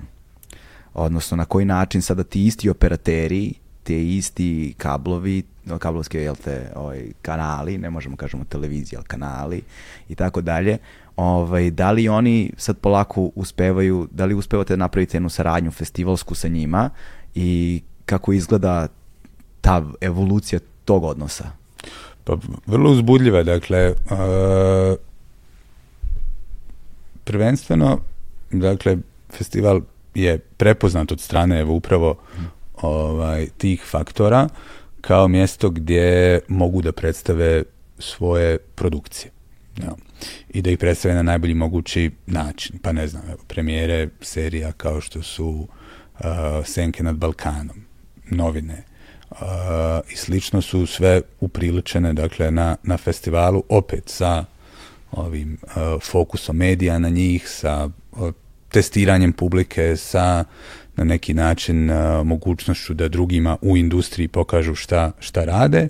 Tako da ovo je prepoznato kao mjesto susreta i mjesto na kojim se taj sadržaj može promovisati i prikazati jel, publici sa ekipom, sa dakle, autorima koji dođu i tako dalje. Tako da taj format festivalski je zanimljiv i za, tak, za, takav, za takvu vrstu sadržaja i za proizvođače, odnosno distributere tog, tog sadržaja.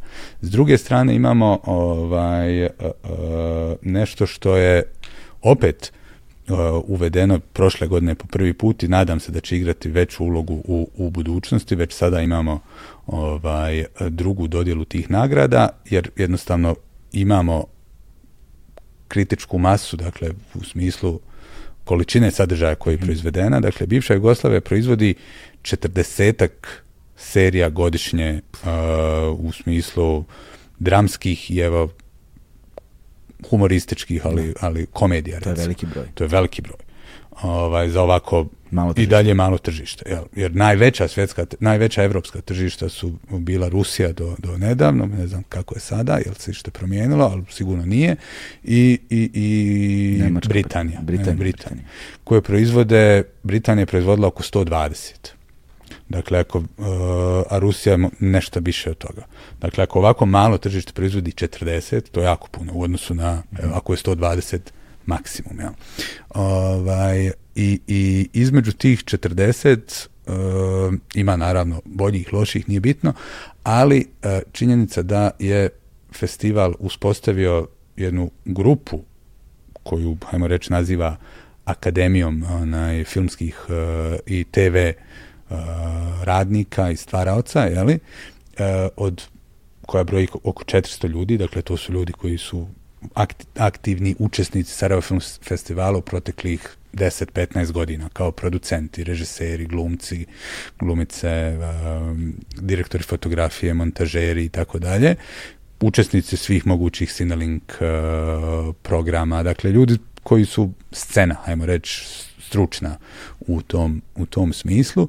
Dakle, mi smo odlučili njima da damo ulogu glasača i da pokušamo da uvedemo i neke godišnje nagrade da se sagleda ova produkcija od 40 serija uh, godišnje na način na koji recimo to radi Emmy u, u, u Americi, ali televizijska akademija i uh, da pokušamo da damo dodatni nivo ovaj uh, prepoznavanja i tim serijama koje su najkvalitetnije, koji su najkvalitetniji uh, kreatori, a režiseri, scenaristi, glumci, glumice i tako dalje u velikom broju kategorija. Izašle su nominacije jučer, na 17 serija je zaslužilo nominacije, neke su odskočile sa brojem nom- nominacija, neke, neke imaju nešto manje nominacija, ali u svakom slučaju mislim da je ta akademija koja je ovaj put i glasala za nominacije, pa će sad ponovo glasati za nagrade onaj, do, do, koje će se dodijeliti na festivalu, uspjela da destilira kvalitet i zaista onaj, kad pogledamo neke od tih serija koje su odnijele najveći broj nominacija, kao što su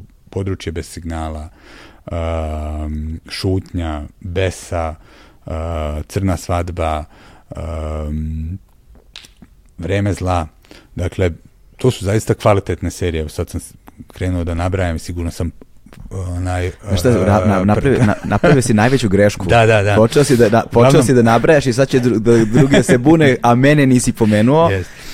Ne, e, Sada sve- vadi sve nomi- spisak, sad zapisuo i sad koga si zaboravio. Nominacije su izašle, objavljene su. E, stojim iza nominacije. A, ne.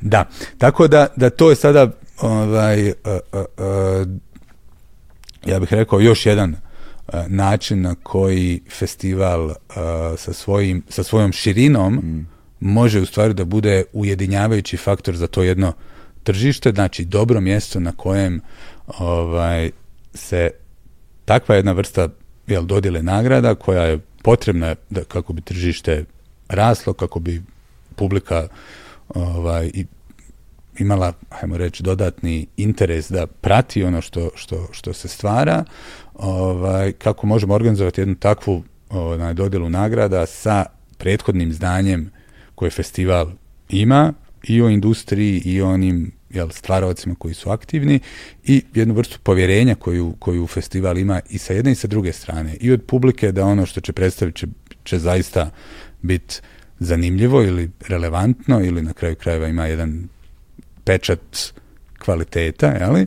i s druge strane da, da sam sektor vjeruje da će to biti transparentno, da će biti napravljeno na najvećim profesionalnim standardima i samim tim se festival nametnuo kao, kao mjesto, mjesto za to.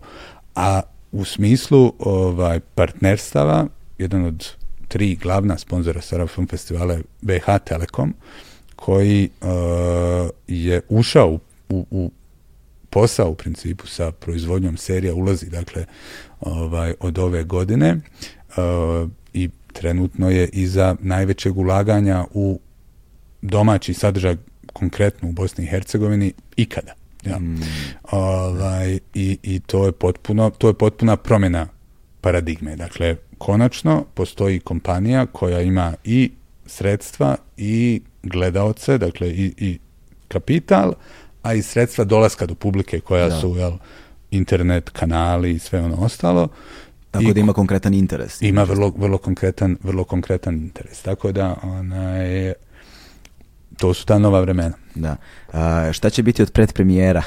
Evo, znamo. Ove godine? Ove godine. Pa ne smijem još da najavim, ali bit će sigurno pet dobrih serija. Dobro. Ništa, kada završimo snimanje, pa ćemo, pa ćemo onda, to ćemo privatno, to ćemo privatno. Ovaj, kada ćete objavljivati sa celokupan program i to? Pa e, program se u principu, jel, sad idemo onaj, korak po korak i svak, svakih, e, svake dvije sedmice sigurno objavimo nešto. Mm. Sad smo objavili nominacije za, za serije. serije. Uh, nakon toga ćemo krenuti sa objavljivanjem jedne sekcije po sekcije, dok to ne kulminira u principu sa objavom pro programa dva programa. Jedan, ovaj najpopularniji, to je Open Air program, dakle ovaj koji uh, se prikazuje u otvorenom kinu Metalac, revijalni donekle i ovaj takmičarski za igrani na igrani film. To su dakle najčešće kulminira dakle ta mm. objava programa festivala sa tim sa te dvije sekcije, a do tada objavljujemo takmičarski dokumentarni, takmičarski kratki, mm -hmm. studentski, kinoskop, to je dakle najbolje, hajmo reći, no, nove tendencije u kinematografiji, mm -hmm. sa tri podsekcije, pa tu je Summer Screen, to su recimo filmovi više vezani za pop kulturu, muziku, muzički dokumentarci i slično. Uh, Teen Arena program za tinejdžere, jel? Um, taj, taj tinejdžerski program... Dealing with the past, dakle, sučavanje s prošlošću. Da. Eto, imamo različitih onaj, programskih sekcija koje će se sada u tom ritmu dvije sedmice, mm. svake, svake dvije, tri sedmice po da, objava, sad baš kad mjeseca ćemo doći do kompletnog programa, negdje, ja bih rekao, tri sedmice pred festivale sve objavljeno. Mm. Sad baš kad pominješ taj tinejdžerski program, ovaj, nisam do, ta, do skoro nisam razmišljao uopšte o, o, o tom aspektu publike i o značaju zapravo adresiranja te, toj publici adresiranja te publike, a dok recimo nisam pogledao ovaj leto kada sam naučila da letim, da. kada sam vidio to i kada sam shvatio da zapravo čoveče ne pamtim kada sam posljednji put čuo, a kamoli video za film koji je namenski pravljen za vrlo specifičan specifičan uzrast i doba u sazrevanju koje je važno i ključno za ono kreiranje buduće ne samo publike nego ono građana ovaj uh, koji će naslediti on mesto gde na kojem mi sada živimo, boravimo i kreiramo nekakav kulturni sadržaj. Da, toga nema dovoljno kod nas. To je, mislim, to je sjajan primjer, fantastično je da je radio dobro onaj film da ga je pogledala, mislim, preko 200.000 u Srbiji i u Bosni je dobro igrao, vjerujem da će u Hrvatskoj lijepo igrati, nešto što apsolutno nedostaje. Ovaj, mislim da se i to može promijeniti upravo sa ovim onaj, uplivom um, većih kompanija koje su kojima će sigurno u jednom trenutku ta publika isto biti ovaj vrlo značajna. Značajna. Tako da evo na, na producentima i autorima je da to hmm. ovaj pretvore u, u, u dobre filmove. Da. Hajde sad da se prebacimo malo na ovaj deo za profesionalce, jel te? Mm. odnosno za ljude koji su iz industrije, ne, ne moraju nužno budu profesionalci, ali možda imaju tendenciju da postanu jednoga dana. Da. Jer ima, jel te, a, pored tog praktičnog ima i taj edukativni aspekt. Dakle, šta je, hajde, kako da počnemo priču o Sinelinku? Šta je Sinelink? Da, to je pitanje koje, na, na koje odgovaramo već da. dugi niz godina. Dakle, Cinelink je program festivala koji je fokusiran na razvoj novih projekata ili na predstavljanje ovaj, novih projekata, bilo da su oni u fazi scenarija ili da su u fazi neke postprodukcije, grubog nekog onaj, materijala. Uh, I ideja je dakle da se uh, scenariji povežu sa i dakle producenti sa, i, i, i režiseri sa scenarijima povežu sa potencijalnim partnerima, koproducentima, financijerima, uh, agentima za prodaju i svim onima koji su u današnjoj toj križaljci onaj, sastavljena finansirana za jedan nezavisni mm. film, kao što to onaj, se često kaže, bio koji je zavisan od mnogih stvari, jeli?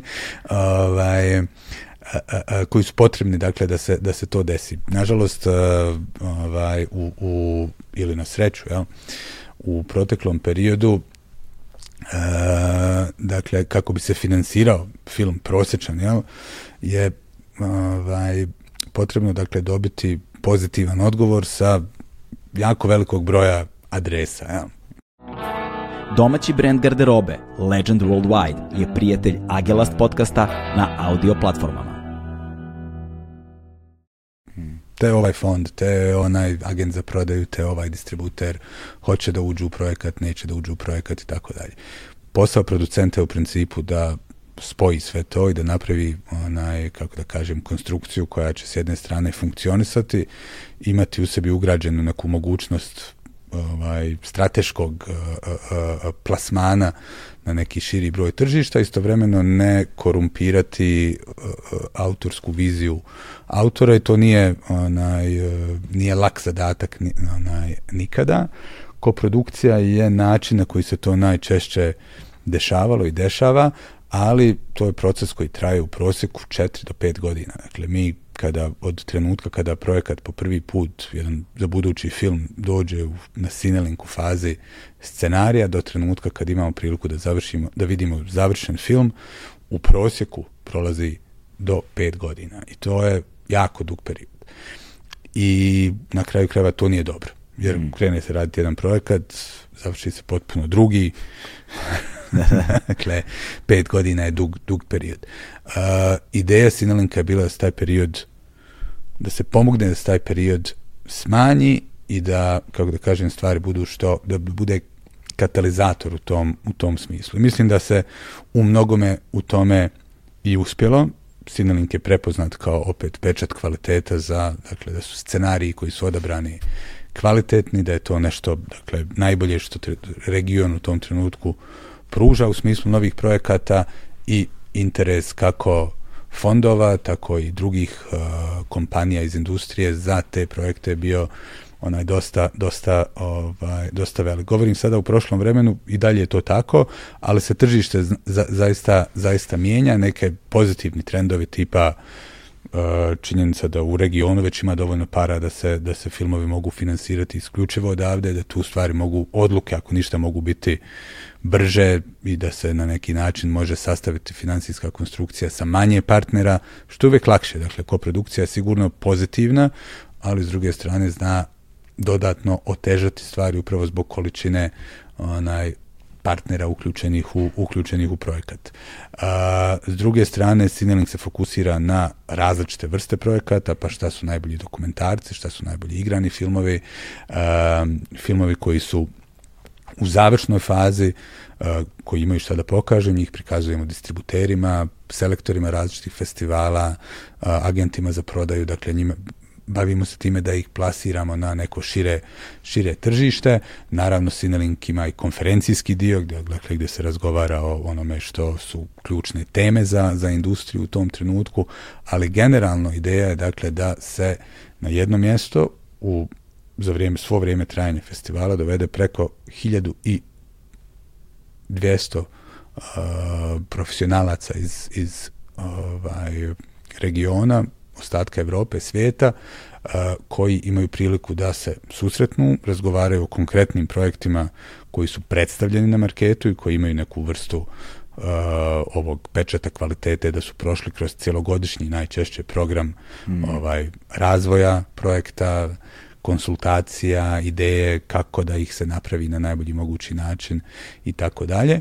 Ovaj, istovremeno da učestvuju u ovom jel, konferencijskom dijelu i naravno onom neformalnom nekom um, u smislu um, umrežavanja, tako da uh, uh, na kraju ako pitamo šta je Sinelink, Sinelink je one stop shop za regionalnu filmsku industriju, dakle mjesto susreta godišnje gdje ćemo vidjeti šta su najperspektivniji novi projekti, šta su oni koji su već jel, završeni izlaze na tržište, uh, šta su teme koje nas kao industriju zanimaju u tom trenutku i šta su eventualno nove inicijative koje su kvalitetne, da. koje neko lansira i na kraju krajeva mjesto gdje ćemo 6-7 dana provesti zajedno od ručkova, večera, pića, ne znam, neformalnih razgovora iz, nakon kojeg ćemo imati jasniju sliku gdje se kao industrija nalazimo i šta ćemo možda od filmova gledati na idućem Kanskom, Berlinskom ili na evo Sarajevskom festivalu. Sarajevskom filmskom festivalu.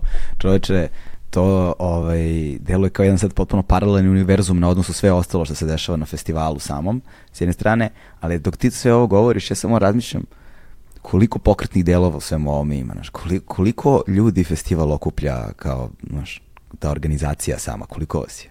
Nas je e, dvadesetak tokom godine, uh, u ovih nekih četiri mjeseca intenzivne organizacije festivala nas je oko 200, 250 i onda sa volonterima u toku ovih jel, samih festivalskih onaj, desetak dana nas je oko 600.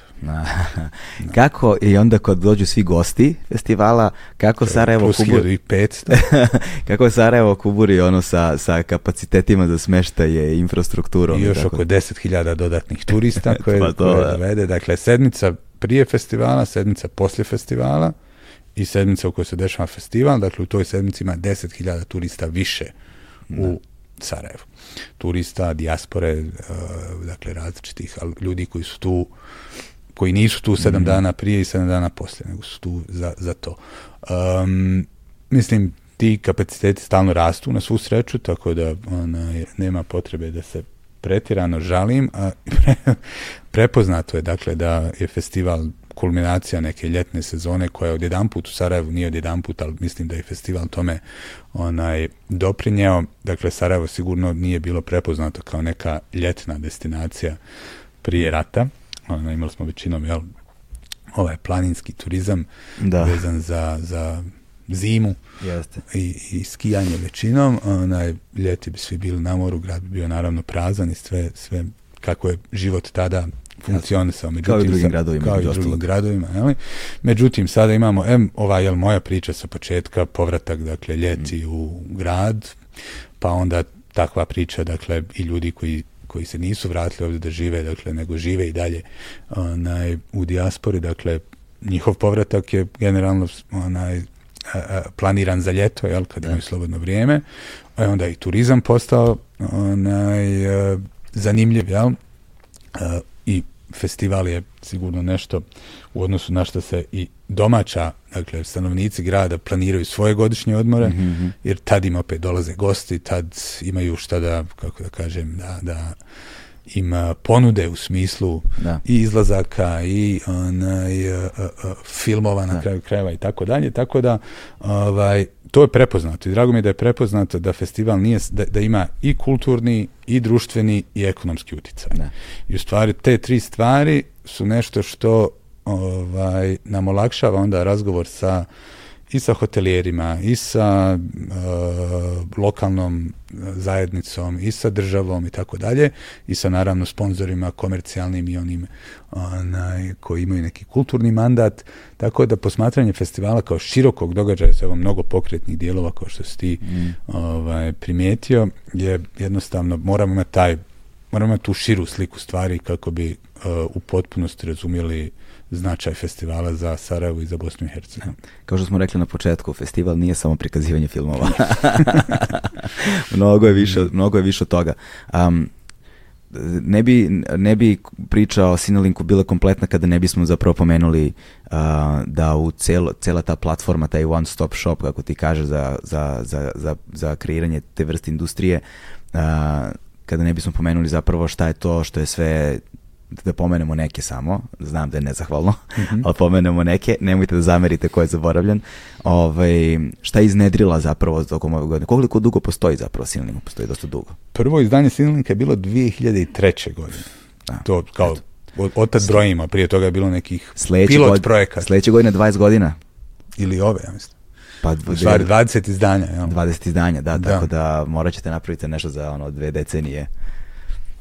Da, ne, kroz Sinalink je zaista prošla ona, u te dvije decenije, mislim da, da, da sve ono najbolje što se desilo u smislu kinematografije u cijeloj ovoj regiji je prošlo kroz Sinalink. I taj, recimo, rumunski novi val, Kristijan Munđiju, ne znam, Kristi Puju, i, i, i, i ostali velikani rumunskog novog vala su svi imali veze sa, sa, sa Sinelinkom. Uh, grčki filmovi su isto u tom periodu imali jedan... Čekaj, rumunski je bio procvat. onaj četiri meseca, tri nedelje. Da, to je recimo, to je Kristijan Munđiju. Da, jeste, da, on je, da. Recimo, onaj, to je sjajan film. On je prošao kroz, kroz Cinelink više puta na kraju kraja. Mm. Onaj, um, turski cijeli val, dakle, novih filmova, ne znam, Semih Kaplanoglu i, i, i, i, i ostali, dakle, to su sve bili onaj, uh, projekti koji su u jednom trenutku bili na, na Cinelinku. Uh, ideja, dakle, pored, pored Cinelinka, jel ima i Talents program Sarajevo Film Festivala koji radimo u saradnju sa, ovaj, sa Berlinaleom, uh, koji okuplja mlade profesionalce. Cinelink okuplja ljude koji imaju konkretne projekte najčešće u svojim ovim selekcijama i onda imamo jel, ove takmičarske programe festivale. Dakle, to tvori jedan ciklični u principu onaj, sistem koji se fokusira na sa regionalnim autorom filmskim u svom centru.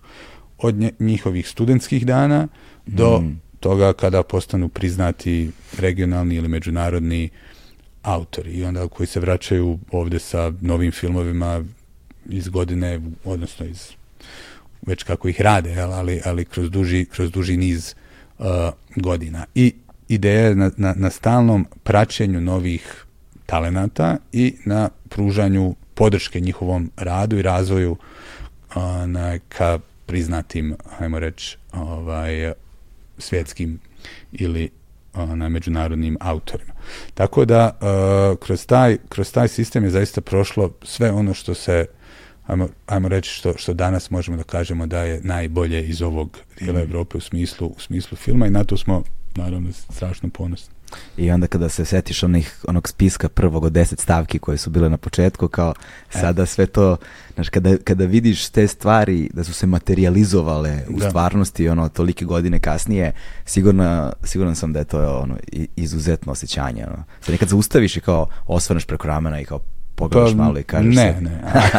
nemaš ne. vremena za to. Ne, ali drago mi je, mislim, evo, recimo film koji, koji dobije Oscara na kraju i koji je meni konkretno značajan film, to je film Shaulov sin uh, Lasla Nemeša, dakle iz, iz, iz, iz Mađarske, koji je krenuo da razvija, razvija taj, mi smo se upoznali u Veneciji sa kratkim filmom koji, na, ja sam producirao kratki film uh, od svoje supruge Šele Kamerić i, i onaj, Timura Makarevića koji se zvao Šta ja znam, kratki film iz 2007. godine koji je bio pozvan na festival u Veneciji. I ja, krenemo na festival naravno sa željom da osvojimo zlatnog glava i tako dalje jer se dodjeljuje glavni lav, zlatni lavi za kratki film.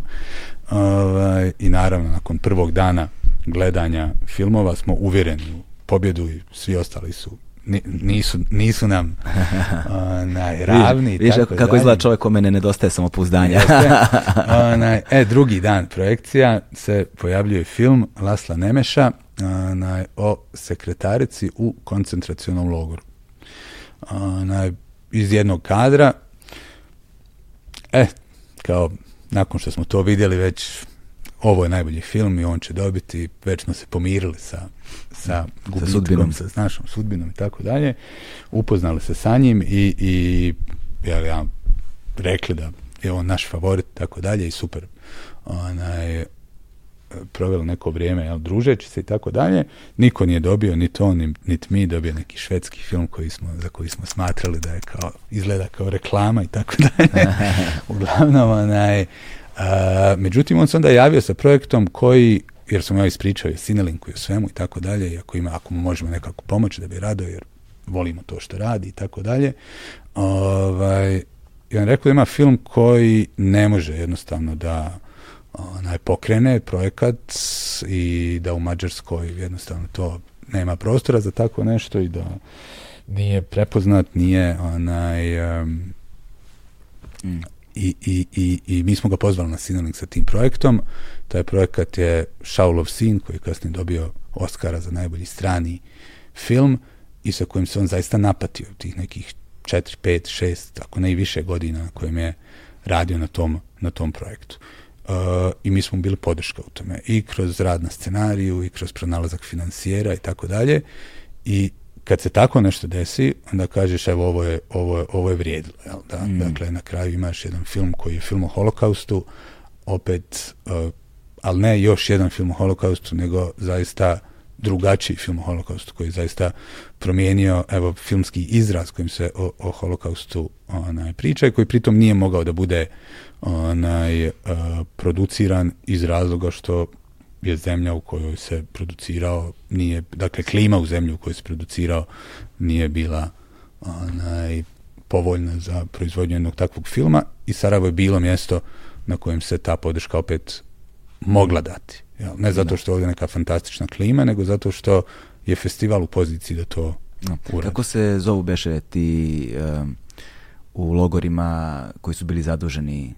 Taj film je o, o, o konkretno čovjeku koji traži svog misli da je vidio sina i pokušava da ga onaj sahrani kako treba da. u ludilu, dakle onaj fabrike smrti kao što je mm. Auschwitz-Birkenau, a, a on je logoraš, ali zadužen za, za u principu pražnjenje, jel?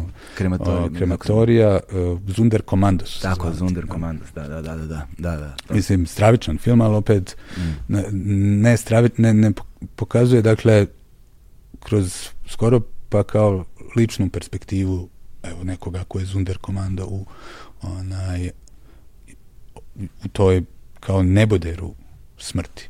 Mm. Kako, mislim, ono, za, ko nije pogledao, nek zaista pogleda taj film. Da. Ove, ovaj, uh, kada govorimo o sad ono sa ovim posljednjim savremenim savremenim vremenima nekako rast streaming platforma, rast uh, ono, znaš, sve su veći i jeftiniji televizori za domaćinstvo, znaš, kao sad ono prosječno, pro, prosečnoj kući nekoga ko je ko, ko ima jule pristojne zarade, ono vidjet ćeš ono, televizor od 55 inča, znaš, lagano, ovaj, i sa, kažem, rastom streaming platformi, prevashodno Netflixa, pa potom i svih ostalih, ovaj, desi, kao da se desio jedan jedan, jedna, jedna, jedna promena u načinu na koji konzumiramo kulturu i onda sad to binđovanje serija i tako dalje koje nam je postalo sada prirodna stvar do pre ne znam nekoliko godina to nismo mogli ni da zamislimo Na sve to se desi pandemija, jel te? Da. I pandemija negde obogalji u potpunosti filmsku industriju, barem onaj fizički deo te industrije, sam, samim tim pretpostavljam i festival koji se bazira na nečemu što je na, loka, na, na određenoj lokaciji, publici, fizičkom prisustvu. Ovaj, a s druge strane da je ogroman vetar u leđa streaming platformama. A, I kako je izgledao taj predpandemijski period rada festivala i onda početak 2020. godine za vas? Pa 2019, 2019. je bila rekordna po svemu.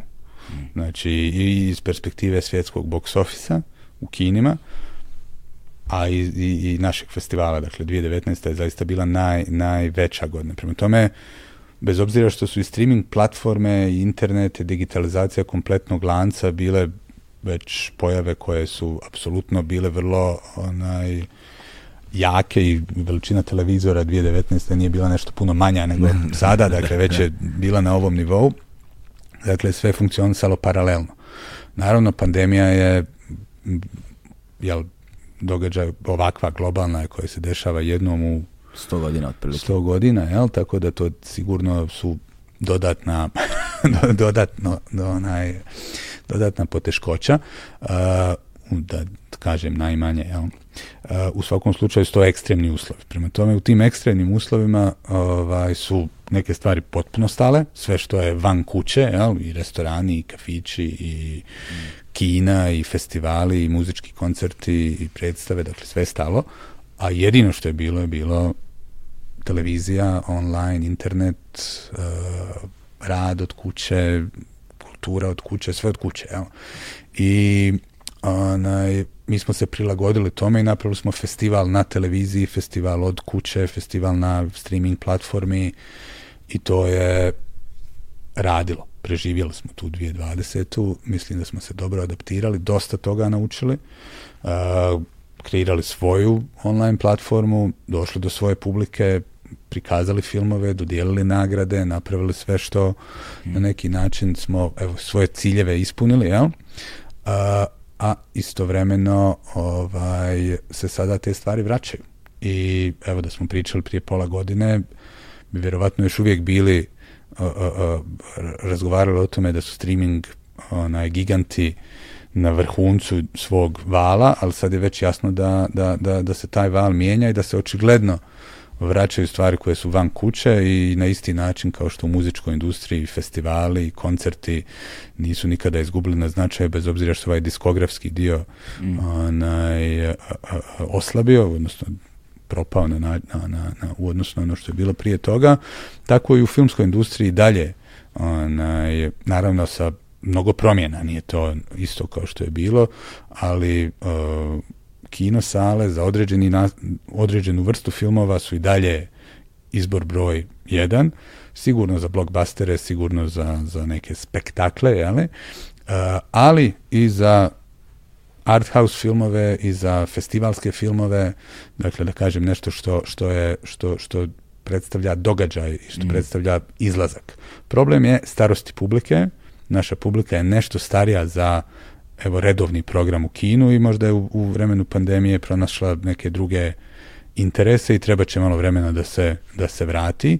Međutim, festivalska publika, ona dakle koja prati i film i događaj oko njega i sve ovo što se dešava u onaj u medijima što se toga tiče, ali generalno želi da osjeti festivalsku atmosferu. Da, da, da. To je ono što je što što ako mislim ako to želi to jedino može na, na da. festivalu to ne može ne može online tako da mislim da da će se publika vratiti ove godine u punim punom kapacitetu prošla je bila pod i dalje ovim jel, mjerama nismo mogli mm. imati više od ne znam 50%, negdje čak i 70% onaj, a, a, a, kapaciteta. kapaciteta, da. Zato je metalac dobar. Zato je metalac dobar, ali metalac je prošle godine mogao imati samo 1100 ljudi. Da. U odnosu na eto, tri uobičajeno. Ali zanimljivo je, znaš, i prva stvar... U sektorima nekim, da, pa, pr testirani i tako. Pr prva stvar je što postoji nečeg, ne, nečeg u grupnom gledanju filma što se gubi u intimi kućnog prostora. A, u tom nekom zajednič, zajedništvu, u tom deljenju i, i trenutka sa brojnom publikom koja gleda istu stvar i zajedno doživljavamo i dešava se taj kolektivni duh kog nema, jel te, u intimi kućnog prostora. Ali s druge strane, moram da priznam, a, meni je takođe a, draže da nekad pogledam film, jel te, u bioskopu, a, ne nekad, najčešće, ovaj, ali kad imam vremena, jel te, zato što ne gledam u telefon tada. da, to je. Znaš, ne postoji, fen, ne, postoji, ne dešava se fenomen drugog ekrana, da. ovaj, kada posmatram film u bioskopu. Pa iskustvo, da je to iskustvo je jače, naravno. Da. Iskustvo je jače i ti si u crnoj kutiji u kojoj, evo nešto kao dva sata si tu. Onaj, I ako ćeš se javiti na telefon, javit ćeš se zato što je nešto hitno i naravno da je to druga stvar, ali nećeš biti mm. nećeš surfat, ja. Da, da, ne, a is, ali znaš šta, ali smeta mi u ovim tržnim centrima, uglavnom toga ima, a, kad se jede u bioskopu, znaš, to ipak volim kada dođem u projekcije gde nema klope, onda nekako, znaš, ne moram baš da slušam druge ljude kako jedu. Znaš, ne, ne, nije ni to mrsko. pa dobro, znaš šta, kad je, naravno, kada, kada je izbor u pitanju, uvek, ovaj, uvek ću izabrati opet bioskop pre zato što čak i sa svim svojim nedostacima tog tipa, bez obzira i dalje iskustvo znač, značajno bolje. E, ono što je, je zanimljivo jeste, sad ne znam koliko o tome možeš da govoriš, koliko o tome znaš, ali meni je kao tema strašno zanimljivo, svi, ne znam koliko ljudi to prate, ali prilično je vidljivo u javnosti.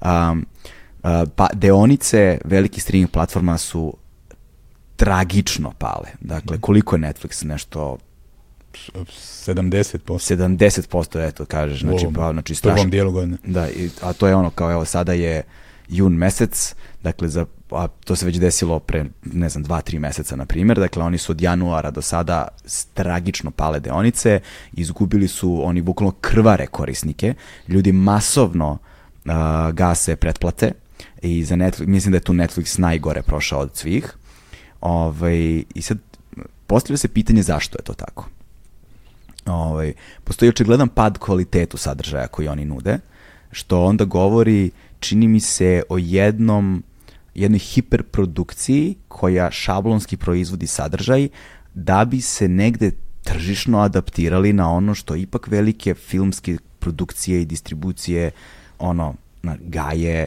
ne možeš tek tako da stigneš industriju koja postoji 100 godina pre tebe. Čini da. mi se da taj faktor možda negde ključan uz, uz dodatne druge faktore? Uh, mislim, to je sigurno bio, uh, kako, kako da kažem, sve te, evo i Netflix i, i Amazon i naravno drugi onaj, globalni streameri su u pandemiji imali idealne uslove za rast. Mm. Bili su jedina stvar. Ovaj, e, sad se to promijenilo.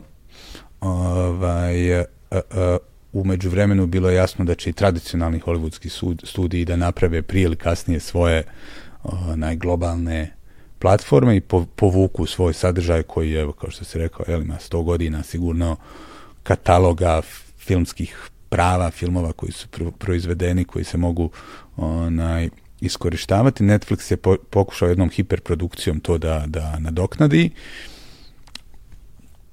Uh, kritika i, i hajmo reći, evo javnost očigledno sad ne reaguje baš tako dobro na, na, na tu količinu koja je vjerovatno negdje kompromitovan bio možda i kvalitet. Naravno, ne znači da nije izašlo nekoliko fenomenalnih na, serija i zahvaljujući net, i filmova i zahvaljujući Netflixu ih je mogao vidjeti cijeli svijet, tako da što se toga tiče, to je sigurno revolucionarna kompanija po svemu. Ja ne mislim da smo vidjeli kraj njihov zato što im je sada onaj, spala vrijednost, ali da će se stvari promijeniti i da, i da će se pristup promijeniti, to nema govora. Dakle, sigurno da, da hoće, jer takav pad vrijednosti i ovakva promjena ovaj, okoline u kojoj posluju sigurno će dovesti do, do promjena u njihovoj onaj, taktici i, i, i strategiji. Uh, ono što je jasno je da uh, će ova jel, tradicionalna filmska industrija nastaviti da onaj, se, se fokusira na uh, različite medije, dakle i festivale, i kina, i streaming, i kablovsku televiziju, i na kraju krajeva ovu neku zemaljsku mrežu, jel? Dakle, da. na, na sve moguće vidove dakle, medija u kojima se filmovi, serije mogu, mogu eksploatisati i da ovaj, će naravno neki od tih medija biti vrijedniji neki manje vrijedni i da će se na osnovu toga dakle redefinisati neki novi lanac ovaj koji sigurno neće biti isti kakav je bio 2019. Da. Ja, tako da ti trendovi su onako onaj samo akcelerisane ovim pandemijskim periodom došli su sada na, na, na ovo gdje jesu. Ima jako puno filmova koji, nažalost, onaj, gube u ovoj cijeloj varijanti. Mislim da su to vi što, što kažemo, jel, mid-budget films, dakle, uh, nešto što je Hollywood prije rutinski proizvodio, sada vjerovatno neće, već je mnogo fokus na ove blockbustere koji, fokus, koji su fokusirani na publiku koja ide u kina, superheroji, da. Uh, za neku, nešto mlađu publiku, hajmo reći, onaj, uh, uh, pati drama, pate možda neki filmovi koje smo voljeli svi, ono što, što na kraju krajeva na, na čemu su, su mnogi uh, odrasli, jel, ljubitelji filma. Mislim da tu evropska kinematografija u stvari može imati benefit. Mislim da ovdje kod nas regionalna, odnosno domaći autori isto tako mogu da imaju ona, od toga benefit da će u kinima biti više mjesta za dobre domaće filmove i vi vidite naravno u Srbiji u kojoj domaći filmovi zaista imaju veliki dio na bioskopske publike. čim nema takvog filma odmah i, i, i, i pada box office ali čim mm. imate ona, ne znam, Toma, Južni vetar pa i, leto kad sam naučio da letim ona naučila da letim uh, su filmovi koji popravljaju ukupni box office rezultat. Mm. Da li ih ima dovoljno, da li ima dovoljno dobrih, to je onaj, pitanje, ali hoću reći da je prilika tu. Tako da e, mislim da, da će doći do odmaka od globalnih ovih, uh, uh, dakle sigurno nas neće servisirati pet kompanija cijeli da, da, da, Znači to, evo to je sad, ako se to nije desilo u pandemiji, neće se desiti ni, ni nakon nje. Dakle, jednostavno imat ćemo regionalna tržišta ili velika nacionalna tržišta, tamo gdje ona postoje, na kojima će dominantni biti veliki igrači u tim regijama ili u tim, tim onaj, tržištima i zavisnosti od specifičnosti od svakih od tih mjesta, jel, imat ćemo podjelu na koliko, koja vrsta sadržaja se proizvodi, šta ide u Kina, šta ide direktno na kablovske ili već druge kanale ili neki streaming koji je opet domaći i tako dalje. Mislim da je to mnogo bolja budućnost nego da nas servira, da, da nas servisira nekih pet kompanija iz da. Silikonske doline ili iz Hollywooda. Da, ono što mislim da se desilo sa pojavom jel te, streaming platforme sa tom celokupnom digitalizacijom filmskog i serijskog sadržaja um, i negde jel te budžetskim od udaljavanjem tog mainstreama od tih uh, ovaj, od, od projekata srednjih budžeta i negde manjih budžeta jeste da se dešava normalizacija, govorim sad o prosečnoj publici, ne govorim o, o entuzijastama, filmofilima i tako dalje, nego govorim dakle o najširoj prosečnoj publici. Čini mi se negde da ono što je postojala kao kolokvijalna kulturološka barijera filmova koji nisu na engleskom jeziku ili koji nisu nekim velikim jezicima, nisu automatski su imali značajno manju publiku, se nekako, ne još uvek, ali čini mi se da postoji ve, daleko veća otvorenost za to činjenica da sada srećemo oko sebe masovno ljude koji gledaju uh, skandinavske serije, koji gledaju nemačke serije, što bukvalno pre 15 godina nisam mogao da zamislim. Ja pre 15 godina nisam, nisam imao prijatelja na prste jedne ruke da nabrojim koji su gledali nemačke serije. Dobro, nije ni bilo možda toliko nemačkih serija, istovremeno, ali vidi se da način... Klinika Švarcva. Da, ali vidi se po načinu na koji, na koji, na, na koji se rade, po a, temama koje se biraju, po, dakle, da, da, da se diže kvalitet i da taj kvalitet odjednom parira svemu onome što smo konzumirali do tada i postaju neosporne. I više ne možeš, ukoliko im daš šansu, sigurno ćeš da se ukačeš njih. I to se dešava i sa domaćim produkcijama i čini mi se da ta vrsta diverziteta kult, sadržaj iz kulture nudi jedno bogatstvo koje je dobro za sve nas globalno posmatrano. Ovaj, ali kako objašnjavaš recimo, ne znam, zanimljiva mi je ta tema, a, a, spornije elemente koji su se dešavali recimo na Kanskom festivalu i tako dalje, da recimo filmovi koje su proizvodile streaming platforme koje nisu imale filmsku distribuciju nisu dozvoljene da budu u takmičarskom programu. Pa mislim to je konkretno onaj, samo francuska da, pa da. stvar uh, koja pokazuje da, da uh, mislim Francuska je naravno u smislu svoje filmske industrije jako dobro organizovana i jedna sigurno od naj uh, uh, bolje, os, najbolje osmišljenih sistema podrške domaćoj kinematografiji. Da li je to zbog tog stalnog jel, uh, pozicioniranja kontra hollywoodskog uticaja, jel, koji nije slučaj u Britaniji, nije slučaj u Njemačkoj iz različitih razloga. Dakle, Francuska se je izgradila svoju domaću industriju upravo na, onaj, na jednom sistemu poticaja i, i, i podrške domaćem, domaćem filmu, domaćoj televiziji, domaćim onaj, autorima. I činjenica da njihov box office to onaj, pokazuje, da količina sadržaja na njihovim televizijskim ekranima domaćeg to pokazuje. Oni su koristili naravno stvari kao što su i kvote za, za francuske filmove i za francuski sadržaj na svim tim ekranima i sve one protekcionističke mjere koje možete da, da zamislite kako bi njihova domaća industrija bila, bila jaka. Kanski festival nije imun i dio je toga mm -hmm. na kraju krajeva i vi uvijek imate određeni broj francuskih naslova u programu festivala, uh, isto kao dio takve politike, ali ono što je suština je da francuski kino prikazivači koji su vrlo jak segment dakle te industrije u kojim zakon im daje određeni period ekskluzivan za prikazivanje filmova u ovaj u kinima, kod nas to nije slučaj, dakle nije, stvar nije zakonskog karaktera, nego je više nekih uzusa u, unutar onaj, uh, posla. Jeli? Bilo je ranije dakle to definisano i zakonom, sad kod nas nije, onaj, u, u, u Francuskoj jeste i dalje onaj, i u principu ideja da Kanski filmski festival treba da bude mjesto gdje svi filmovi koji su prikazani jel, imaju neki izlog prema na kraju krajeva i domaćoj publici u Francuskoj i da naravno da će oni kada uđu u Kina iskoristivši platformu koju im daje Kanski filmski festival biti prepoznatljiviji publici i da. za pretpostaviti onaj, na kraju krajeva bolje raditi u kinima, što je naravno interes kino, kino prikazivača.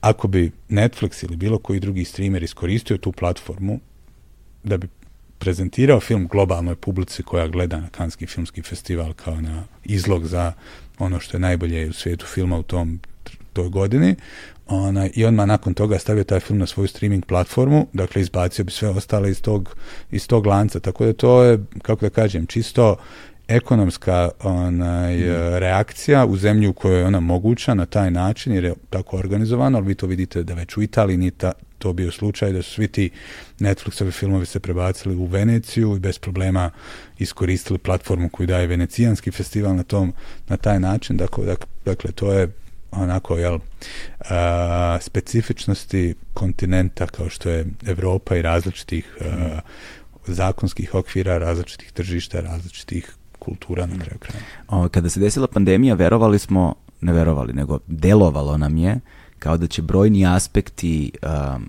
i odnosno brojne posljedice pandemije biti zauvek, da je to sad tako promenjeno i da se više neće da. vraćati na staro, ali pokazalo se da su ljudi izgleda daleko rezilijentniji nego što smo to pretpostavljali i da se brojne navike vrlo lako i vrlo brzo vraćaju nazad, što kaže ljudi, na dobro se čovek lako navikne. Znači, i onda čim ti je bolje, ti vrlo brzo ostavljaš te loš period za sebe i zaboravljaš ga na neki način. Ne zaboravljaš nužno, ali znaš na što mislim. Ove, ovaj, I kažeš da se evo već uh, je 2021. značajan broj publike negde bio vraćen, bez obzira na to što um, su mere bile prisutne još uvek, a sada, 2022. godine, a, koji datum za početak će biti, se biti festival? Otvaramo 12. avgusta, uvijek je to petak. Mm -hmm, da. A, I trajemo do idućeg petka. A, od 12. do 19. avgusta. E, I od 12. do 19. avgusta bit će dakle, uh, izdanje Sarajevo Film Festivala za 2022. godinu koji će ovog puta, što pretpostavljaš, biti puno kapaciteta, da li će biti možda predpandemijskog kapaciteta, kako, kako prognoze stoje? Pa ja se nadam da, da, da je 2019. A, do, da, da je možemo dostići, imamo i nešto više mm. ovaj, ekrana, dakle otvorila su i nova kina u Sarajevu među vremenu koja možemo da koristimo za festival. Mi smo napravili nekoliko novih otvorenih kina upravo kao reakcija na, na, na pandemiju jer su se ljudi bolje osjećali gledajući filmove pod onaj vedrim nebom, jeli? Vedrim. A, tako da se nadamo manje kiše. Prošle godine je bilo specifično izdanje bez jednog kišnog dana. Da. E, ako to može da se ponovi, to odmah prihvatamo. Ovaj, ali ako ne, ima dovoljno zamjenskih sala i svega, tako da očekujemo svu publiku u Sarajevu 12. do 19. na dobrim filmovima, dobrim zabavama, na, da. ja bih rekao, centru regiona da. u tom onaj, periodu. Suviše rano smo se našli, pa nažalost o programu još uvek ne možemo da govorimo, ovaj, ali, ali možemo da go pomenemo uh, dakle ono što je jel te prva stvar koja je očigledna jeste da si ti sada u ulozi jel te direktora festivala nakon koliko godina od osnivanja, da, tako? Da, da, Miro je bio od osnivanja. Od, osni, od osnivanja do ove godine, prošle godine, ove da, godine. Da. Kad si ti zvanično preuzeo funkciju? Ovo je prvo izdanje da sam ja ovaj, direktor, prošla prošlo sam bio ko-direktor zajedno sa Mirom, on je sada mm. predsjednik, tako da nije nije se uh, prekinula ovaj, kontinuitet i dalje tu. Jednostavno smo podijelili uh, Šta je priroda te poslove. promjene? Da? Pa priroda te promjene je da, da uh, evo sada, jel, ajmo reći da je odgovornost na meni prevashodno, tako da za to da se festival desi na najbolji mogući način, da ne bude onaj, da bude dakle, na mhm. nivou koji festival, na kojem festival jeste i da ga se naravno razvija dalje u budućnosti, tako da evo, to je naravno odgovornosti na meni, ali zasluga je mislim na, na, na, na jednom širem timu ljudi koji su sa festivalom već dugi niz godina našim onaj, programerima koji jel, a, provode godinu gledajući ogroman broj filmova, na svim onim koji vode evo ove programe za filmsku industriju, što zahtjeva veliki broj dakle, sastanaka sa svim onima u, koji se bave filmom, za istraživanje šta su to novi projekti sa istraživanjem trendova na koje kako na njih odgovoriti, ko šta radi i tako dalje. Dakle, velika je količina filmova koje gledamo, podataka koje obrađujemo, načina na koji sve to vodimo, jel, kako bi, kako bi festival uh, zaista bio uvijek ispred onaj, ispred vremena što ne. se tiče ovaj, um, trendova u kinematografiji, a opet relevantan za ono što, što i publika i, i filmski radnici u tom trenutku traže. Da li postoji nešto što se od industrijskih standarda nakon pandemije zapravo promenilo? I, da li, I koje su to sada, znam da je uvek nezavisno u ovim poslovima govoriti o tim stvarima, ali negde je nužno postaviti to pitanje pa da vidimo kako će to da se oslikava u budućnosti. Koje su to nove tendencije i smerovi u kojima bi jedan ovakav festival trebalo da se kreće, može da se kreće, koje su mogućnosti uopšte i šta je ono što treba da se dešava da bi kao i sve druge stvari negde ostao u onu zeitgeistu, jel, jel te u duhu vremena i onoga što savremeno društvo nosi sa sobom. Danas, sutra, Pa e, ono što je dobro je da se, da se kinematografija pobrine za dosta toga sama utoliko što jer ljudi koji prave filmove su ljudi koji duboko promišljaju prošlost, sadašnjost, budućnost i u samim filmovima je odgovor na to pitanje. Festival je relevantan ako odabere relevantne filmove i prikaže ih onaj, u evo najkvalitetnijim mogućim uslovima sa mm najboljim mogućim pristupom i sve ono što, što, što je na taj način onaj, napravljeno. Tako da opet se vraćamo na one ciljeve prije 28 godina, oni su nekako uvijek svježi i, i, i, i da. predstavljaju mogućnost dakle za, onaj, za konstantan ostanak evo, u zeitgeistu. Uh, I to je, mislim, jednostavno. Naravno, što se tiče ovaj, organizacije, e, tu su stvari koje se gdje se moraju pratiti dakle i nove tehnologije i na neki način onaj pokušati dakle stalno dizati ljestvicu ovaj kvaliteta.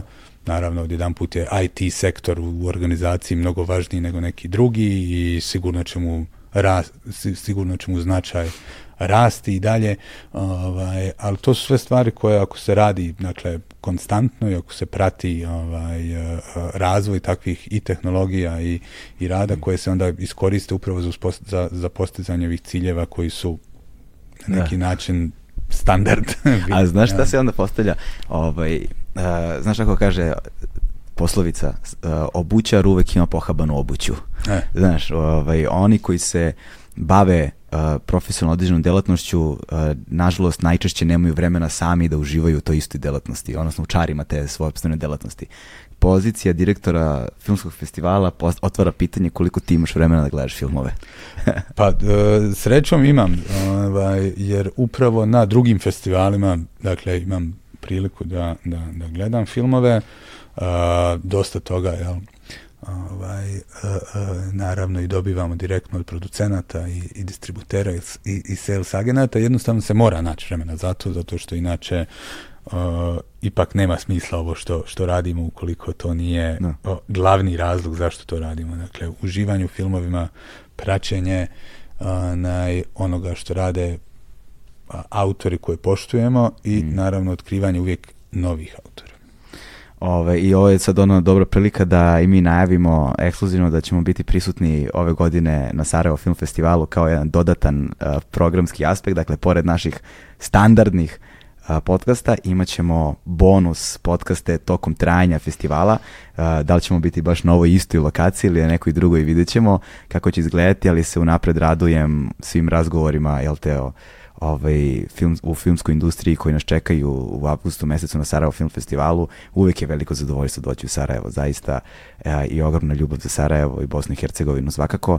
A ovo je ono, jedan, jedan dodatan, ono, jedna dodatna čar i draž da je i ono što smo mi radimo negde prepoznato i da se stvaraju ovakve simbioze jer uh, mislim da je to ono što je najveća regionalna vrednost, a eto, vi to nekako iz godinu u godinu potvrđujete. A reci mi, kakav je za tebe um, trenutak taj sad da si postao direktor festivala na kojem si eto uh, pre 20 i koliko godina ono naš vuko cement. da, pa ovaj pa mislim u svakom slučaju će to biti uh, meni sigurno ona izdanje za pamćenje, tako da onaj ja Kako se osjećaš zbog toga? Imaš tremu? Sve, ne, sve kako treba. Ovaj, ipak nije... si suviše dugo tu. Da, da. A, ne, ne, tu smo svi, ka, kažem, to ipak, to ipak pa sve su, ja sam... sve su oči uprte u tebe sada, znaš. Pa dobro, nije, nisu sigurno samo u mene, to je uvijek je, onaj, uvijek je to mnogo šira slika. Jasno, znači, jasno. Direktora. Ali ti si nekako istaknuta da, figura pa, eto, toga. Tu, da, da dobijem, ti si simbol sada. Da dobijem kritike i pohvale, nadam se. Da, da, da. Tako je. O, ništa onda, ovaj, ti znam da sada moraš da putuješ. Da. Ovaj, I tamo ćeš da učestvuješ u u nekom isto filmskom festivalu u žiriju, pa ćeš da gledaš naravni 7 dana filmove. E. I tebi je let, evo, uf, uskoro ćeš morati ti da kreneš.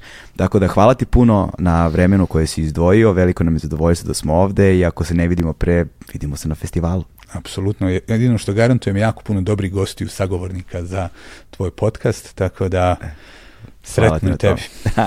ne, hvala ti puno. To je to, stigli smo do kraja. Ćao. Hvala.